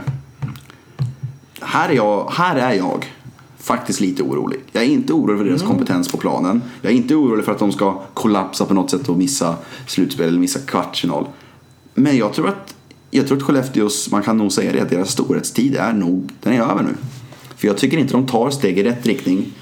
De har bara vunnit två guld, ska man komma ihåg, och den här storhetseran som ändå pågick i sex år. De var i sex raka finaler, förlorade fyra finaler. De har haft sitt kul nu tror jag. Jag tror de kommer vara ett lag i mängden de kommande åren. Jag tycker inte de tar steg, jag tycker inte de tar steg och jag tycker inte att man på något sätt kan se någon förändring i Bert, nu när Bert Robertson är huvudtränare jämfört med när Öberg var tränare förra året. Jag tycker att det är exakt samma. Och det är väl nästan exakt samma. Tänker, Även om Bert har tagit över som lite mer huvudansvarig så är det ändå samma. Jag tror det är ju samma filosofi. Mm. Det är klart det är så. Han har ju varit i, staben i, är, det är väl alla de här sex finalerna var Ja, han med tror jag. Precis. Och, eh, eh, nej men det är klart att eh, de andra klubbarna har ju kommit ikapp Skellefteå på något sätt. eh, Mm. Det var ju de som drog loket från Ja, men det början. var ju det, De och Luleå i viss mån med Jonas Rönnqvist och Bulan eh, där uppe. Eh, jag vet inte alls vad jag ska tro om Skellefteå. Samtidigt så har ju Skellefteå också, jag tänker organisationsmässigt och ekonomiskt så har de ju alla förutsättningar att faktiskt hoppa tillbaka Mm. till ett storlag. Frågan är ju bara, jag tror att eh, deras mm, svaghet om man får säga så, eller är ju att de sitter ju kvar med de här gamla spelarna som börjar bli lite till åren. Mm. Eh, alla klubbar känner Skellefteå vid det här laget. De vet vad de här spelarna går för. De känner till det här spelet som Skellefteå kör på isen. Eh, Man har ju liksom, jag tror att det är mycket det det ligger på. Att eh, Skellefteå kan inte fortsätta köra på samma sätt man har gjort. Man måste hitta någon ny väg. De måste utveckla sig själva på något sätt. eh, jag tror att man har analyserat Skellefteå utan och innan i så många år nu. Mm. Så att de, måste, de skulle må bra av att hitta andra vägar. Och jag var inne på det också inför säsongen med Jimmy Eriksson som försvann. Deras stora ledare på isen och sen har de ingen riktig huvudtränare som var det förut. Ledarskapet, jag ser inga, har inte sett något problem där men jag ser inget som sagt som sticker ut heller och gör- hjälper dem i rätt riktning. Och det är det som gör att jag är lite orolig för, för Skellefteå. Vem, vem ska ta dem ur det här? Vem är det som ska ta dem nästa steg? Ja, Joakim Lindström gör det ju på isen. Han är ju fortfarande en av seriens tre bästa spelare. Ja, absolut, han Och- drar ju... Han, han gör ju det, men det är så här, ska, hur länge ska de kunna göra, hur länge är det han som ska göra det liksom? Möller och Lindholm har gjort det bra. Pudas har, precis som jag eh, förutspådde, blivit en succé i Skellefteå och sådär. Men de här äh, andra tredje kedjespelarna, andra tredje fjärde, femmanspelare som också haft så enorm produktion på tidigare, de finns inte riktigt i Skellefteå just nu. Jag tror att de inte är speciellt mycket bättre än den sjätte plats de har just nu. Inte i nuvarande trupp. Nej. Eh, Och absolut inte med det här eh, ledarskapet de har. Eh, Inget ont om Bert Robertson eller någon, Mm. vilken den andra nu. Stefan Klockare. Tack. Eh, utan jag tror att precis som jag sa att det är ju så att man känner till Skellefteå så pass väl. Eh, och med det spelarmaterial de har så tror Är man, är man fast i de, de här sex åren då de gick så bra att de kände att men vi vet ju vad vi, vad vi, hur vi ska göra, vi går ju till final varje år. Ja, men alltså, hade, de mått, hade de mått bra av att få den här näsbrännan ett par år tidigare? Att missa, att inte ens gå vidare. Ekonomiskt nej, de var ju väldigt bra tack vare det här. Jo, men, alltså, jag men om vi tänker att- sportsligt, rent sportsligt. Ja men det är väl klart. Alltså jag tänker att det är klart att man har fallit i den här, någon liten trygghetsbubbla t- tänker jag. Mm. Det är farligt att göra det. Jättefarligt att göra det. Man är nöjd, det har funkat jättebra med samma typ av ledarskap i så många år. Det här spelet har funkat, de här personerna har levererat år efter år. Visst, vi har bara vunnit två guld, men vi har tagit oss till final, vi har kommit långt till slutspel. Jag menar pengarna strömmar in, det går bra för klubben, liksom alla Förmodligen ganska attraktivt för att locka till sig spelare Ja, också. väldigt Alla, alla vill spela. till för spelare. Eh, liksom, och till slut så faller man väl i det här lite mun, alltså, trygghetsmönster på något sätt. Samtidigt som alla andra lag har suttit och analyserat, tokanalyserat Skellefteå. Och nästan velat kopiera Ja, Skellefteå. precis. Och liksom bara, jag vet inte, ja. Eh, och liksom utan och innan hur Skellefteå tränar, hur de spelar, hur de agerar. Eh, jag tror att Skellefteå måste hitta, alltså de skulle må bra av att hitta någon ny form av ledarskap. Alltså någon ny form av spelupplägg. De eh, förlorade ju två matcher mot Djurgården här förra veckan. De tycker jag ändå säger en del. Alltså, det är ju två kanonchanser för dem att ta sex poäng och komma tillbaka. De slutar med noll poäng, får inte in pucken. De blir nästan lite taktiskt utmanövrerade av, av Djurgården. Liksom. Och, inget illa ont om Djurgården, men de har inte spelarmaterialet på samma nivå som, som Skellefteå har. Nej. Betyg då? 1-5 på Skellefteås första fjärdedel. Eh, lite drygt, de har spelat 14 matcher. Jag sätter trea på dem. Du gör det. Du är generös alltså. Jag är Jag generös, en men det, ja, det, alltså, jag förväntade mig inget mer. Alltså, de är precis som jag förväntade mig på något sätt, Mm. känns det som. Jag vet inte. Eh, svag trea, får jag säga det då? Ja, det får du säga. Du får säga tre, hur mycket du vill. Jag säger en tvåa på Skellefteå. Ja. Jag tycker de är godkända. Man Du kan är inte nöjd med Skellefteå? För de var... Alltså... Om jag tittar vilka lag de har före sig så eh, tycker jag att Skellefteå gärna skulle kunna vara ett av de lagen. Och då känner jag, varför är de inte det? Ja. Då, då, tänker jag på Malmö. Egentligen, jag tänker egentligen på alla lag utom Växjö. För jag tycker Växjö har bättre lag än Skellefteå på pappret. Alla andra lag tycker de ska kunna vara, vara före. Eh, Så det är därför. Vi går vidare till ehm, det lag som det kanske har svängt mest om får man säga. Började jättebra, vi satt här och var alldeles hänförda och var så här, men de är precis så bra som vi trodde de skulle kunna vara. Sen hade de fyra raka förluster och de var nere och halkade på tionde platsen. Nu har de några segrar i rad, trots att de har en skadelista som är längre än min, eh, mitt, mitt ben ungefär. Uh, Malmö Redhawks, femma i SHL, 23 poäng på 13 matcher. Vi pratade om dem tidigare inför säsongen som att det här kan vara det laget som slår sig in i toppen, som inte var där tidigare. Och det verkar de kunna vara också. Ja, Malmö har ju ändå gått relativt jämnt under den här säsongen. Eh, De ligger där på femte, femte plats. Eh, Är det där du tror att de skulle komma? Alltså, är det där du hade liksom förväntat dig att de skulle vara? nej, eh, jag var väl lite mer skeptisk till Malmö ändå eh, än vad de har visat. Eh, jag tänkte väl att Malmö skulle väl ligga där kanske Frölunda ligger idag, eh, på sjunde plats, eh, sjunde och sjätte kanske. Jag tror heller inte att Malmö kommer komma högre upp i tabellen. Du tror inte det? Nej, det tror jag inte. Eh, Det är lite som du säger, Skellefteå finns, Frölunda finns som kommer kanske explodera snart. Jag tycker lagen som är övre tycker jag är på något sätt lite bättre än Malmö.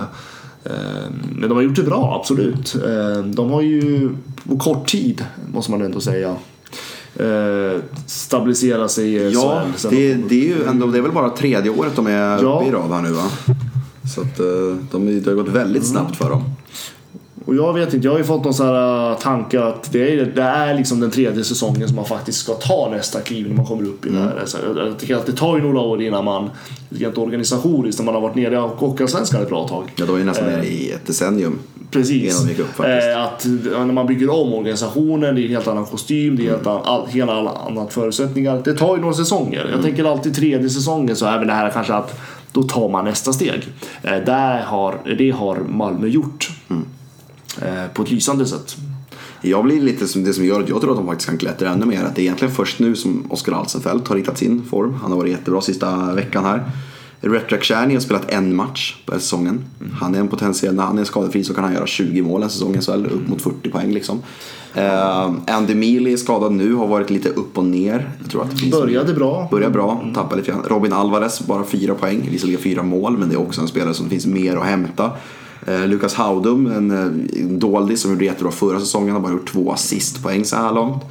De som har verkligen motsvarat förväntningarna det är ju Fredrik Storm och Niklas Harret. Eller de har väl kanske till och med överträffat förväntningarna. För Det har ju, Ja. det har ju faktiskt varit de två. De, de var ju otroligt bra i slutspel i våras och bara fortsatt på samma, på samma nivå sen dess kan man säga. Så att jag tycker om man kollar liksom, Men de har hittat en bra harmoni i sitt spel. ja, verkligen, och de passar ju väldigt bra ihop också. Precis, och precis som du säger, Oskar Alsenfelt, kommer han tillbaka i sin form, Precis. då har ju Malmö en av ligans bättre målvakter, Ja. utan tvekan. Absolut. Eh, och Han då- hade väl nästan, alltså räkna bort Viktor Fast så är är då skulle han väl kunna vara bäst. Junior Ja. kanske kan vara där uppe men det är ju de tre kanske. Ja, det är ju som det. jag skulle Och, välja att ha i mitt lag i alla fall. Eh, jag tänker... Och bara det i sig är ju en styrka i Malmö. Mm. Eh, framförallt en trygghet. Jag menar, har man en sån målvakt bakom sig som spelar man märker shit, nu är han igång. Precis. Mm. Då vågar man lite mer också. Eh, och det ska ju också ändå bli intressant att se hur eh, Ja, men hur själva hela gruppen kommer att bli nu när Malsefeld faktiskt har kommit tillbaka till sin form.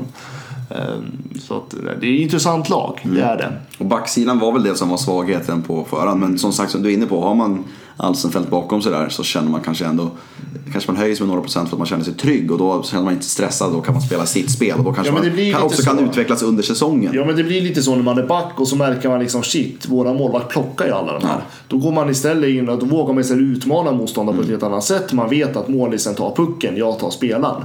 Mm. Eh, när det blir de här att man alltså otryggheten med målvakter när man står ute som spelare. Man vet att ja, men ett skott så kan det faktiskt gå i. Nu kommer ju ingen spelare säga att man tänker så. Nej, men, men- alltså det finns ju ändå den... eh, Jag tror, det fann, jag tror det fanns den oron i Rögle förra året med Ja, Oskar, med Oskar. Dansk eh, exempelvis. Eh, som det tror jag finns i, jag tänker att det finns i lag som i Brynäs idag Mm. till exempel att eh, som back då så tar man, man kanske inte gör den här exakta momenten som man faktiskt ska göra. Att Man kanske in- överarbetar situationen Ja, man, man plockar inte bara gubben utan man försöker få bort pucken Exakt, man också. göra man, och då missar man, precis, man, man tar för stor roll än vad man egentligen har. Vilket gör att man hamnar fel i positionen, det är någon spelare som blir fri och så blir det mål. Mm. Eh, Det är jättevanligt och det ser vi i de här lagen. Jag tänker Rögle, Brynäs, Mm. eh, ja, de lagen som vi kanske ser som lite krislag just nu.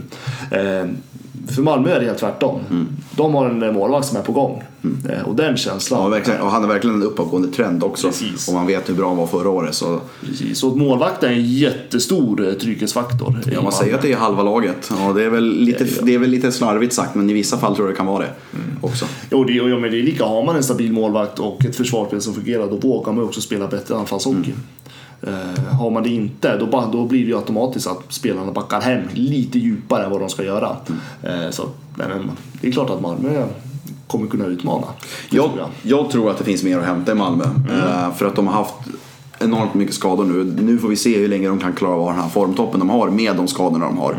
Det är lite, det, är, det går ju inte, alltså med de namnen de har haft borta, jag vet inte exakt hur länge de är borta men de, det går inte att hålla den här formen speciellt länge till känns det som. Men med tanke på också att de inte, jag tror inte de är jättenöjda med spelet första fjärdedelen här. Jag tror de känner att det finns mer att hämta. Och det tror jag också. Så jag tror att det här är ett lag som precis som förra året kommer vara jättefarligt i ett slutspel. Och eh, jag blir inte förvånad om de tar en topp 6-plats där de, där de ligger just nu. Nej, det tror jag. Men jag tror de kommer, de kommer förlora det tufft. För jag tror att det finns andra lag som också kommer att höja sig. Men eh, ja, de får bevisa. Betyg då? 1-5? Jag börjar och sätter en 3. Ja, För att eh, de har varit lite för ojämna för mig för att få en 4. Tycker jag. Hade de, eh, de, de, är, de är lite, de, Jo men de har ju haft de här matcherna, ja, men den där mot Rögle till exempel. Ja, exakt. in sex. Det, men de, Ja, alltså, man, det- det- de har lite, det inom citationstecken, lite barnsjukdomar i Ja. laget fortfarande. Att det, det är inte helt satt än det här laget. Ja. Nej, jag faller lite på din, din sammanfattning att det blir en trea för mig också. Mm. Eh, Men det känns som någonting är på gång. Ja, jag, jag är jättespänd för att se, se Malmö i, i resten av säsongen och framförallt i vår. Jag tror att det här jag tror inte de kommer vinna ett SM-guld såklart och jag kanske inte går till någon final heller. Men jag, ska, jag, jag är jättespänd över att se Malmö resten av säsongen. Jag tycker de har ett kul lag, många roliga spelare att titta på. Såsom som Maxi Görtz, Daniel Saar som kommer in. Jag tycker Andy Mil är underhållande att titta på när han har sin dag. Ja, Jag gillar Malmö, jag gillar dem. Vi går vidare till topp 4-lagen då. De som just nu har hemmaplans favör i kvartsfinalerna som börjar om ett halvår eller vad det nu blir. Eh, Precis, och där hittar vi ju regerande mästarna. Exakt, som också har varit upp och ner så här långt. Mm, verkligen, men de har ju kommit igång nu Mm. ändå. De har också spelat två matcher fler än Malmö skulle säga som ligger bakom och en match fler än Skellefteå och Frölunda. Tabellen. Eh, Precis, de är uppe på 15 matcher, har 24 poäng. Eh, egentligen ingenting att säga om. Men med tanke på hur illa det såg ut i Champions Hockey League på försäsongen så var man lite orolig för HV. Att de skulle kanske behöva en lite längre startsträcka men då har de ju inte behövt. Så det här är väl ett topplag, de är väl toppen för att stanna. den här säsongen också. Ja men det är de. Alltså jag kände inför säsongen så kände jag, alltså det vart så mycket skriverier om HV men alltså det, försäsong säger ju ingenting. Nej. Och det måste vi, tycker jag vi borde lära oss i det här laget. Nej men HV, trots att de fått en så stor eh, omfattning av byte av spelare. Ja, stor spelaromsättning helt enkelt. Spelomsättning, tack. Eh, Så har de ändå visat att eh, det är ett lag ändå att räkna med i slutändan. De har ändå... eh, Då började vi lite hackigt ändå. Eh, Man har varit lite, eh, lite svårt att placera HV i början tyckte jag. Eh, Men jag tycker att de börjar nu ändå visa att eh, Eh, här är ett lag som faktiskt är med och slåss. Och det som också var deras framgångsrecept när de vann guld i våras var att de hade i princip fyra kedjor som var nästan lika bra. De kunde kasta in vem som helst av de där fyra kedjorna. De gick in och körde, pressade motståndarna, låste, kunde låsa fast spelet i offensiv zon, trötta ut motståndarna och sen kanske ge de här lite större stjärnorna in situationstecken som Martin Törnberg, Tedenby. De kanske fick börja i anfallszon istället för att börja i egen zon. Sådana där små grejer. Det är likadant i år. Man kollar deras eh, interna poängliga så ligger de på 9, 9, 9, 8, 7, 6, 6, 5, 5, 4 poäng. Liksom. Alltså de har ett jämnt flöde av poäng. Det är Victor Ejdsell som liksom kommer in från Allsvenskan som leder interna poängligan eh, den här säsongen. Eh, de, har, de, har ju, de har ju så enormt många bra hockeyspelare. Liksom. Duktiga hockeyspelare, liksom, hockeyarbetare som kan leverera poäng allihopa. Enskilt skickliga individer Precis. i laget. Så. Och om man då har fyra, om man då har fyra kedjor som accepterar, alla accepterar sin roll, lite grann som vi var inne på med Örebro. Fast här är ju spelarmaterialet så mycket bättre än vad det är i Örebro. Och Johan Lindbom och Lillis Lund där i ledarstaben verkar ju verkligen ha fått ihop laget. Alla köper sin roll, vilket också var nyckeln i våras. Jag tycker det ser ut lite grann på samma sätt nu. Så att jag varnar verkligen för, för HV71 den här säsongen också. Eh, Om du tänker på hur det ser ut idag och vad du förväntar dig av HV framöver. Mm. Skulle de kunna vara ett finallag? Ja, det, det tycker jag. Grejen är dock att från början, när säsongen började så snackade jag om sju, sju potentiella finallag. Nu tror jag varken Brynäs eller Linköping kommer vara tillräckligt bra för att vara där. Men då kanske man får räkna in Färjestad istället. Eh, vi säger att det är sex lag som jag ser just nu som skulle kunna vara i final. Och då är HV kanske ett av de tre troligare. Liksom. Det är väl Växjö eh, och kanske Frölunda som, som är de andra. Jag tycker ändå HV har en så pass grundtrygghet i sin trupp. För de vet om att det finns så många skickliga spelare. De har också haft jättemånga skador sista tiden. Jag såg deras laguppställning mot Karlskrona de hade förra veckan här. Backsidan var okej, men forwardsuppsättningen var ju, var ju... Halva var ju jättebra. Sen halva var ju spelare man liksom knappt kände igen om man ska Det var överdriva. väl sju skadade spelare eller vad var det? Ja, det var till och med upp mot nio, var det inte Ja, det? det var till och med så pass. Ja, och nu kommer Ullström tillbaka. Eh, Och Martin Törnberg kommer tillbaka. Och David Gustafsson, den här unga killen som också gjort det bra. Och jag tänker att, och det är det här som är så skillnad på lag och lag tänker jag. Trots den här stora skadebekymren som Mm. Precis. Ligger, så ligger man på topp fyra. Exakt. Trots det. Precis. Mm. Eh, Så det ska man komma ihåg. Eh, Och det tycker jag, det, där kan man också se styrkan i bredden som finns. Och det var ju samma sak förra säsongen för då hade de ju spelare som inte kunde spela i slutspel. Alltså Abbott, deras kapten, spelade knappt. Mm. Nej. Line spelade inte. De hade, alltså, de, i, I finalserien så hade de skadeproblem på både Oskarsund och Martin Törnberg var skadade. Och David Ullström försvann ju och spelade inte alls under slutspelet. Det är liksom det kan ju vara två potentiella första kedjor som bara försvann. Och de har kastat in nästa spelare och de är lika bra. Liksom. Och de har ju byggt laget på samma sätt i år också. Och det är det som gör att jag har en liten har lite finalkänsla på HV. Så regerande mästarna har potential att försvara guldet. Vad säger du? Jag säger ja. Mm, ja. Potentialen finns. Tufft blir det, men det finns. Ja. Ehm, också en grej som vi måste ta upp är ju Linus Söderström som verkligen, Ja, verkligen med, Ja, ja, ja. med all önskvärd tydlighet han inte är en sån här en blomma som slog ut och sen så vissnade den snabbt. Utan nu är han uttagen i Tre Kronor-truppen. Han är aktuell för OS. Han kommer såklart inte vara första målvakt i OS. Det finns Viktor Fast, det finns Jonas Eneroth, det finns hur många som helst som går före honom liksom där. Men det är inte så många som är bättre än honom just nu. Så han kommer absolut vara ett namn som kommer slåss om, det kanske inte blir mer än tredje målvaktsplats. Men han, det säger ändå en del att vi har en 21-årig svensk som i princip gjorde en halv säsong som ordinarie i SHL och är så här bra. Mm. Och hur många har gått en sån kort sträcka och Ja, kommit så långt? Exakt. Det är, det är nästan unikt. Det är nästan unikt. För han var ju tänkt som andra målvakt Ja, förra ja, ja. säsongen och gick in och var ju bäst i serien. Ja, det, här är, det här är ju en målvakt som man kommer följa med hela sitt hjärta känns det som. Ja. Linje- Alltså, lika viktig i år för HV som han var i fjol. Precis. Eh, Så att det är otroligt roligt att se att, precis som du säger, att han fortfarande att han håller den här utvecklingskurvan. Exakt. Eh, Han har liksom inte dalat utan han fortsätter framåt. Eh, Så att, nej. Väldigt roligt. Betyg 1-5. Jag säger 4. Eh, Jag är också inne på fyra.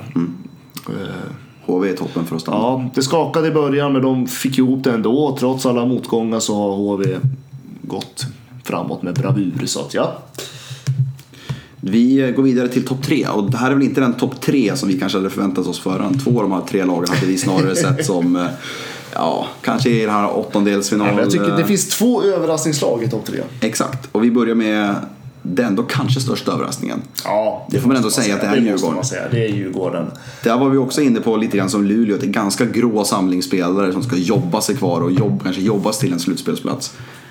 Och nu är de trea. Och som sagt, de tog två segrar mot Skellefteå förra veckan. Bara för att ytterligare liksom spänna musklerna och visa att vi är på riktigt. Och eh, Robban Olsson som vi var så nära att få sparken förra säsongen. Det var, kan inte ha varit många förluster bort. Nu är han den hetaste tränaren kanske. Så är det. Jag vet, jag skrev ju om Djurgården för några veckor sedan i en krönika. Just det att vi måste, man måste börja prata om Djurgården. Ja, man måste verkligen börja göra Eh, det. det är liksom, man måste titta på dem. Det, det är någonting händer i Stockholm. Eh, och eh, precis som vi var inne på tidigare avsnitt, alltså det finns ju en sån harmoni i den här gruppen just Mm. nu. Eh, de, har ju fått, de har ju fått till sina positioner på ett ypperligt sätt. Samtidigt som eh, Reideborn också har presterat bättre Alltså, vad, ju alltså, vad vi har förväntat oss. Han har Ja. varit fruktansvärt bra Han har ju faktiskt. verkligen tagit ett kliv framåt. Han var ju, förra säsongen var ju han den mest utskällda spelaren i hela SHL mer eller mindre. Alltså fansen, varenda gång han stod. Man kollade liksom sociala medier så var det ju, det var ju hat, hat, skit, skit, skit, skit, skit. Man var liksom, när han, kastade in honom i kassen så var det liksom en säker förlust mer eller mindre. Sen hände någonting bara framåt våren och sen var han ju otroligt bra i slutspelet. Och sen har han bara fortsatt. Och är ju också en toppmålvakt i, i SHL nu helt plötsligt. Verkligen. Och Jocke Eriksson har också gjort det bra när han har fått, eh, fått stå faktiskt. Det har han. Så att de har ju två riktigt bra målvakter. Men jag tänkte precis säga det. Alltså att bara det att man inte har honom utan man har Jocke Eriksson eh, som backup också. Exakt. Alltså det visar ju ändå Det på helt alltså, okej. det finns en riktigt fin trygghet där för Djurgården.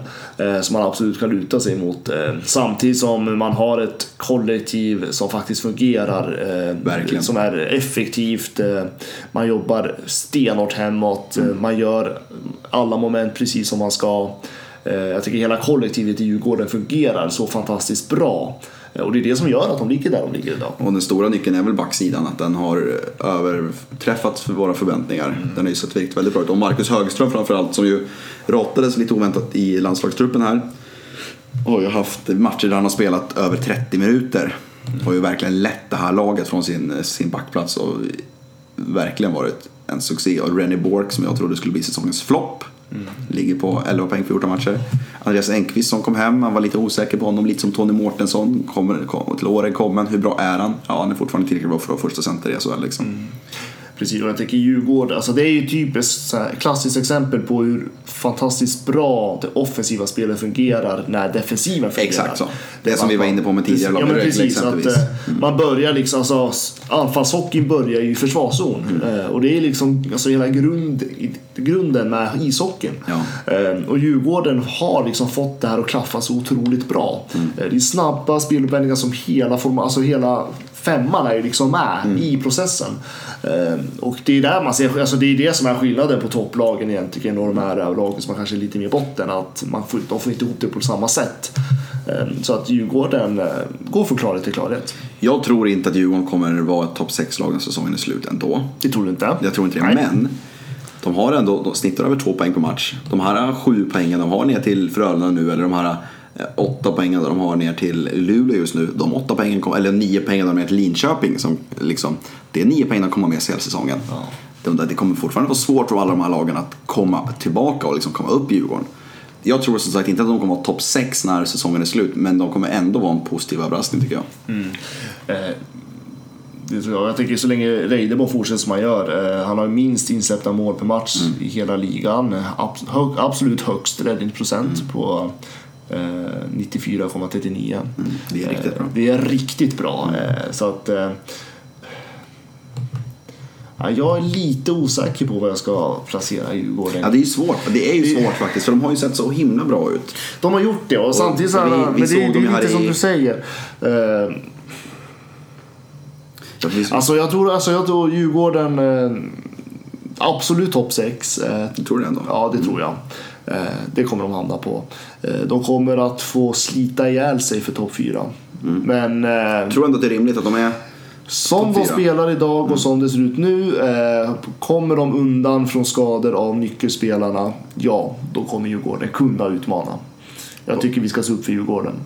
Det är framförallt, jag skrev en, en blogg om det för några veckor sedan, att det är kul att Djurgården och Färjestad Ja. är uppe i topp. Och HV71 också, att de är tillbaka som ett topplag. För det är de klubbarna som sprider intresse. Vi, när Djurgården kommer då ska det vara fullt för att det är liksom Djurgården som kommer. Men de sista åren har de varit lite för dåliga för att, för att eh, det har inte funnits så intresse att gå på Djurgårdsmatcher. För varför ska man se dem? Ja, Men nu, precis. jag tror att det här är jätte, jättebra för svensk hockey. Att Djurgården Väldigt bra för svensk hockey. Jag tänker också just Djurgården, eh, nu ska man inte favorisera för att de är huvudstad, men det är ändå en storstad. Det är ändå det, bra. Är, det är bra, det är Ja. väldigt bra för svensk hockey. Eh, man måste erkänna det. Så att, fantastiskt roligt. Jag tror på Djurgården. Mm. Betyg då? 1 till 5. För mig är det här en femma. För mig är det en femma, helt klart. Den första femman. De har ju ändå överpresterat, eller alltså utifrån sina egna vad man trodde om dem. Ja, Jag trodde de skulle få slåss om tionde elfte platsen ungefär eh, där nere. Med, med Luleå. Det var väl där de ofta var tippade. Ja, det var det. Eh, Vi går till laget som eh, vi hade båda två som guldfavorit inför säsongen. Och det finns väl ingen anledning att säga Mm. vi- någonting annorlunda. Nej, och det är väl inte därför vi nästan aldrig har pratat om dem Nej, heller. och det kommer Eh, förmodligen inte bli så mycket prat om dem nu heller. För det, det finns inte så mycket att Det säga. finns inte så mycket att säga om Växjö det är jättetråkigt om man är Växjö-fan och lyssnar på oss. det förstår jag. Eh, Men jag tror också att Växjö, alltså hejar man på Väx- Växjö idag så sitter man nog väldigt nöjd tillbakalutande i fåtöljen och Ja. bara njuter av bra, rolig hockey. Kan Ja men det är lite så. Det är lite så. De, eh, Viktor Fast har ju knappt fått några rubriker överhuvudtaget Nej, ens en gång. han gör han, han- han kommer ju vara en sån som kommer vara bra när det vankas eh, slutspel sen. Han gör det ju bra redan nu. Ja, han gör det jättebra. Han gör det jättebra. Sen backsidan, de här nya killarna de har fått in, eh, har gjort det bra. Och de har ju väldigt stabila spelare där och forwardsidan har de ju lite grann som HV, inte riktigt lika tydligt men de har ändå flera formationer som kan gå in och jobba och göra göra bra. Nu har de Janne Pesonen borta här några månader. Det ska Ja. bli intressant att se hur de klarar sig undan. precis. Men de har ju också Robert Rosén som jag tycker borde vara aktuell för OS-truppen. Mm. Jag tycker att han, han är alltid bra. Han har varit jätte, jätte, jätte, jättebra på slutet här. Sen har de här Kiskinen, de har Red också de här som man liksom vet hur man får. Pettersson. Pettersson har ju varit eh, den stora svenska skålen på slutet här ändå. Med Precis. tre mål mot Frölunda där och har ju bara öst in poäng på slutet. Ja men verkligen bra. Riktigt bra playmaker som hittar. Eh, Gör ju mycket assist Mm. liksom, och väldigt viktig, viktig eh, kugge i Växjös offensiva spel. Ja, Sen det- är ju också, jag menar, Hallam är ju en fantastisk tränare Ja, också, som också jag, jag skulle räkna, räkna honom som den bästa i SHL. här, ja men det en ung tränare ändå som Mm. har gått, alltså han har väl alla, han misslyckas ju aldrig. det, det går ju bara uppåt för Det honom. var ju våras då när de åkte ut i kvartsfinal. Ja, då Men det, ja. men Då vann de andra som Eh, serien. Men, så. men jag känner liksom, visst. eh, Själva slutspelet var ett misslyckande men säsongen i helhet tycker inte jag alls var ett misslyckande. Nej, det var ju väldigt, väldigt bra tvärtom. Ja, så att eh, det var väl en sån här ett slutspel där bara, alltså man hamnade fel och det gick fel på något sätt. Och Men, mötte ett formtoppat Malmö. Precis, säga. eh, och jag tror, och som man kanske underskattar lite grann Ja, tror skulle jag tro. Eh, Sansen som Malmö gick riktigt bra, fick flyt där. Eh, men eh, åter idag, alltså Växjö kommer att ligga där de ligger idag tror jag. De kommer att fortsätta. De kommer absolut eh, någon gång kanske nosa på första placeringen. De kanske till och med hamnar där. Eh, jag skulle inte bli förvånad om de gjorde det. Mm. Nej, inte heller. Eh, det är... Ja, vad ska man säga om Växjö? Ja, men vi, då, kan jag, då, då kan jag steppa in här och jag vill prata om Elias Pettersson för han är 18 år. Elias Pettersson, Han är ja. 18 år gammal.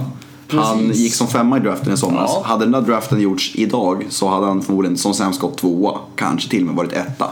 För så pass bra har han varit den här säsongen. Han har snittar över en poäng per match i en defensivt skicklig liga som SHL. Och han är 18 år gammal. Mm. Det är, och det är hans första SHL-säsong. Han har spelat i Hockeyallsvenskan förra året och gjorde det otroligt bra där. Men alltså, man snackar ju mycket om Rasmus Dahlin som den stora liksom, eh, talangen i svensk hockey och han kommer ju gå som etta i draften i sommar. Första svensken Mats Sundin att göra det. Men jag, kommer, jag är otroligt spänd att se vad Elias Pettersson kan hitta på i framtiden. Och att se honom i junior-VM om ett par månader. Hur, hur, han, han, hade en väldigt tungt junior-VM förra året. Men med den här säsongstarten, han är ju en av SHLs bästa spelare just nu. Hur bra kan han göra det där som 18-åring? Liksom? Det ska bli otroligt kul att se. Så där har vi i alla fall någon spelare som, om nu Växjö är så här tråkiga för att de är precis som man tänker sig, så han kommer i alla fall skapa rubriker. Ja, det kommer han göra. Absolut. Jag är helt med dig i det. Och eh, ja, unga. talanger som gör succé är ju alltid Ja, det är, ju- det är häftigt att se. Och, och, och vi är ju inne på, det är så stabil klubb. Sam Hallam är ju en jättebra tränare. Eh, Viktor Fast är en jättebra målvakt, de har en jättebra backsida, de har en jättebra forwardsida, de har en jättebra spets.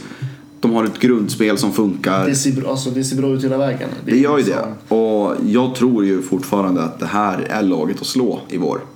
Ja, det tror jag också. Trots att de hade ett tungt slutspel förra året och trots att kanske HV också har ett lag som kanske byggt lite mer för slutspel så. Så tycker jag att Växjö är det laget som ser bäst ut. Ja, jag, alltså, de, jag, jag har kvar dem som guldfavoriter, Mm. det har jag. Betyg då? 1 5. Jag säger en, jag säger en 4. Inte för att de, jag kan kräva mer av dem. Men för mig ska det krävas väldigt mycket för att Växjö ska få en femma. Så jag ger dem 4. Alltså man har höga, så jäkla höga krav på Växjö känner jag. Eh, alltså ja, hade de legat etta hade de fått en femma. Så hård är jag. så jag ger Mm. Men- också en fyra. Men då går vi till de som ligger etta då. Då går vi till, som, som alla tippade, som alla tippade på förhand att Färjestad skulle veta. Nej, det är ju osannolikt nästan att de leder med tanke på alla förändringar de har gjort i organisationen sista tiden här och med tanke på hur många tuffa år de ändå har haft. Johan Pennerborn kommer in som huvudtränare. Jag lyfte i och för sig fram dem som mitt skrällag i, um, i försäsongen. Jag trodde inte de skulle vara så här bra, men det var ändå de jag lyfte fram. För jag tycker Du hade de... ju lite mer rätt än vad jag hade på man hittills så säger jag. Det är, långt, det är långt kvar, det är långt kvar. Nej men det här är ju ett lag som också funkar just nu på alla plan. Alltså det är ju värvningarna de har gjort med Johan Pennerborn som tränare. Det är inte han en värvning men att han glider upp som huvudtränare. Succé. Mikael Wikstrand. Supersuccé. Dick Axelsson. Supersuccé. Jesse Virtanen. Supersuccé. Till och med så Jens Westin och de här liksom har varit, varit bra. Så att allting funkar ju känns det. Ja men absolut, jag tycker Johan Rydin som, ja precis som ganska väntat tycker jag, leder det här laget. Ja, han har ju varit otroligt bra. Ja, alltså. och Dick Axelsson. Dick Axelsson tar också väldigt stort ansvar i gruppen. Eh, Alltså det, det här är också en sån här lag där man har hittat man hittar strukturen väldigt tidigt. Eh, Man fick, alltså spelarna vart väldigt nöjda med sina roller. Det är det ett typexempel på. Eh, Väldigt snabbt, tidigt in på säsongen. Eh, Man fick, har fått väldigt mycket medvind med sig eh, och man har liksom successivt bara kört. Eh, liksom, och man har trott på sitt spel helhjärtat. Ja, och, och det är det också att som du är inne på, att alla har ju fått roller direkt och det har liksom klickat direkt i deras och det är första... ganska ovanligt att det gör det. Verkligen, de har liksom satte två toppkedjor direkt. Nu kommer Alexander Johansson in här som har varit skadad, deras lagkapten, och tar en av de platserna. Men annars liksom, de har inte, de har inte gjort en förändring i första två kedjorna. De har liksom, om vi tar Mikael Lindqvist, han har spelat med, med Dick Axelsson och eh, Rasmus Asplund hela säsongen och det har funkat skitbra. Liksom, alltså de, Det är liksom... Ja, och det är, inte, det är väldigt sällan man ser det. Det har Ja. inte varit så stora omfördelningar i formationerna nej, alls. nästan inga alls. Nästan inga alls. Eh, Och det är ju ett jättegott exempel att Mm. truppen mår bra. Tru- Truppen trivs ihop. Eh, Det måste vara väldigt lätt att coacha Färjestad idag. Och, och det var vi också inne på när vi pratade här Färjestad-specialen. Att det har ju nästan varit som ett självspelande piano. Så man får ju se. De hade ju en lite tyngre period här nu när de stötte tillbaka där. Men man får ju Ja. se. När de, de, har, inte- de har haft en enorm effektivitet Färjestad. Den kommer inte hålla hela säsongen. Vi såg liksom för att det är inte, det är inte rimligt helt enkelt bara. Eh, Finns inte i logik. Nej, det finns liksom inte i logiken. Och det är då, när den, när den börjar dippa lite grann, det är då man verkligen får se vad det här laget går för. Men nu har det ändå gått så pass långt in i serien att jag tycker det är, enkelt, eller det är för enkelt att bara avfärda dem. Det kan man inte göra. Det här är ett lag som är bra. De har fått maximal utdelning på nyförvärven. De här spelarna som varit här tidigare. Eh, vi tar exempelvis Marcus Nilsson som exempel, Per Åslund. De har blivit lite bättre än vad de var eh, förut. Mikael Wikstrand gör sin kanske bästa säsong i SHL. Eh, Sebastian Eriksson som har varit en SHL-kämpe i många år gör sin bästa säsong i karriären. Målvaktssidan, Stefan Sten har klivit in och blivit lite första målvakt här. eh, Efter att ha varit andra målet hela sin karriär. Han har tagit kliv, så det är även de spelarna som har varit där tidigare har ju blivit bättre. Och det tycker jag ändå tyder på att det är, det är, håll, det är hållbart ändå för Färjestad. Jag tror att de kommer vara, kunna vara ett topplag hela säsongen. Eh, Det tror jag också. Eh, eh, Jag tror att, om jag får sticka ut hakan lite grann, eh, de kommer att vara ett topplag i seriespelet eh, så länge serien går igång. Jag tror ändå inte att de kommer komma så långt i slutspelet. Utan jag tycker det finns andra lag som är mer rustade för ett slutspel än vad Färjestad är. Men semifinal kan de alltid nå. Men jag tror inte. Men under, eh, under serielunken, eller vad man ska kalla det, då tror jag att de kommer absolut vara tillhöra topp. Ja, det, det, det som jag var varit inne på honom tidigare, men det är väldigt kul också att se Dick Axelsson, en sån Ja. spelare som, kom, som kommer hem med, med liksom alla förväntningar han har och att man tror så mycket på honom. Han har gjort nio mål hittills. Vi har Johan Ryno som har varit lite grann en sån här evig supertalang. Nu är han 30 och är ju verkligen hit. Alltså, han har 1 plus 19. Ja. Det är nästan absurd poängskörd. Den har ett mål och 19 ass. Ja, och ja, jag såg, det- när jag såg honom här nu i Gavlerinken verkligen se honom live så jag tycker han påminner lite grann som Evgenij Malkin liksom i Pittsburgh. Så här, ibland känns det som att det är en, en pappa som åker runt och spelar mot små barn. Mm. Jag såg någon, jag kommer inte ihåg vem det var, men det var någon Brynäs-spelare som hade ett bra skottläge. Då tar han två skär, lyfter upp klubban, tar pucken och startar ett anfall åt andra hållet. Liksom. Det är den nivån han ligger på. Jag tycker det är fantastiskt kul att se att han verkligen har fått ut allting av sitt spel. Och Mm. Han har väl varit, som sagt, tillsammans med Ryan Lash och Marcus Högström och Jocke Lindström kanske den bästa spelaren i hela SHL långt. Och Det tycker jag är väldigt kul. Absolut. Eh, Jag tänker Färjestad som lag just nu, eh, jag tänker en annan som ändå är uppväxt här i Gävle. Eh, Där Färjestad är ju ett lag som man absolut inte tycker om i den här Nej, de är- stan. de är inte favoriter. Eh, Nej, man hatar väl dem nästan lika mycket som Leksand skulle, skulle jag väl tro. Ja, senaste åren har det nästan varit stora rivaliteter. Ja men så är det. Färjestad. Men jag måste, som, som en infödd Gävlebo måste jag ändå säga att jag blir glad av att se Färjestad. Mm, ja, samma Eh, här. jag, alltså jag tycker det är, o, precis, det är oerhört roligt att se Färjestad, att man liksom på något sätt har boxat sig tillbaka Ja, exakt. eh, in i toppen. Sen får man ju se hur länge det här varar, men eh, för tillfället eh, är det jäkligt roligt. Eh, Och sen tycker jag generellt, precis som Djurgården också, att det är lite andra lag. Exakt. och jag tycker det är ju kanske det som, är, som jag tycker är så roligt med SHL är ju att det är inte samma lag hela tiden. Eh, Skellefteå hade sin men nu är det andra som har tagit över. Mm. Att det går i omgångar hela tiden. Eh, ja men Färjestad de har, de har någonting på gång tycker jag. För de har ju också stark organisation, eh, stark ekonomi. Mm. Eh, de har hittat en bra kemi i gruppen. Trupp. Alltså, de har ju alla möjligheter för att bygga en riktigt stark framtid just nu. Eh, så att ja, Det, vi har pratat gott om många lag. Det kommer vara trångt uppe i... Det är många lag som ska in topp 6. Det är väl åtta lag som ska in topp 6 här nu. Ja, jag vet inte hur, de ska, hur den här ekvationen ska gå ihop riktigt. Men det är ju Nej. lag som kommer att göra det bra. Precis, och jag som inte tänker- kommer vara topp 6 ens Nej, precis, och jag tänker det är precis som man har pratat inför den här säsongen. Mm. Eh, att det är så många lag som faktiskt har potentialen att vara med och utmana. Och då som sagt, då har vi inte sett Linköping och Brynäs lyfta för fem öre än heller. Det tror inte jag som sagt, något av de lagen är något lag som Ja, kommer du är ju väldigt negativ. Ja, det är jag. Men... Eh, eh, Men för, jag tänker Frölunda till exempel tror jag kommer Precis. explodera. Och, alltså, Frölunda tänker jag ändå är alltså, topp fyra. Mm. Tror jag att de kommer sluta någonstans där. Eh, sen, ja, det, men det kommer bli tight. Det kommer bli väldigt tight. Eh, Om vi ska sätta betyg på Färjestad då, innan vi går vidare på. Ja, just det. Nej, men jag säger femma. Ja, det är, En det är given femma. Det är Ja, ja, absolut given. Ja, det här det har varit en väldigt lång podd. Det här är utan tvekan den längsta podden vi har haft hittills. Men nu har ni också fått en jäkligt bra samman, eh, sammanfattning tycker Ja, vi. men jag tycker det. Ja, Jag känner mig ganska nöjd. ja precis. Jag har inte sätta betyg på dig själv. Nej, jag skojar. Eh, Men Ja, det är en femma. Ja, precis. Vi har kommit till en fjärdedel in i serien. Lunken börjar såklart komma. Men det som ändå gör att man ser positivt, alltså det är att varje SHL-kväll fortfarande känns ganska kul. Det är just, ja men Färjestad är kul att se för att hur bra hur länge kan de gå bra? Djurgården är kul att se. Är roligt att se. Malmö är roligt att se för att eh, är de i toppen på riktigt? Är de, är de på riktigt? Och sen, så här- Örebro Ja, är exakt. ju ett roligt lag att se. Exakt, och sen samtidigt som man har det här perspektivet det är ju kul att se Rögle, Brynäs och Linköping också.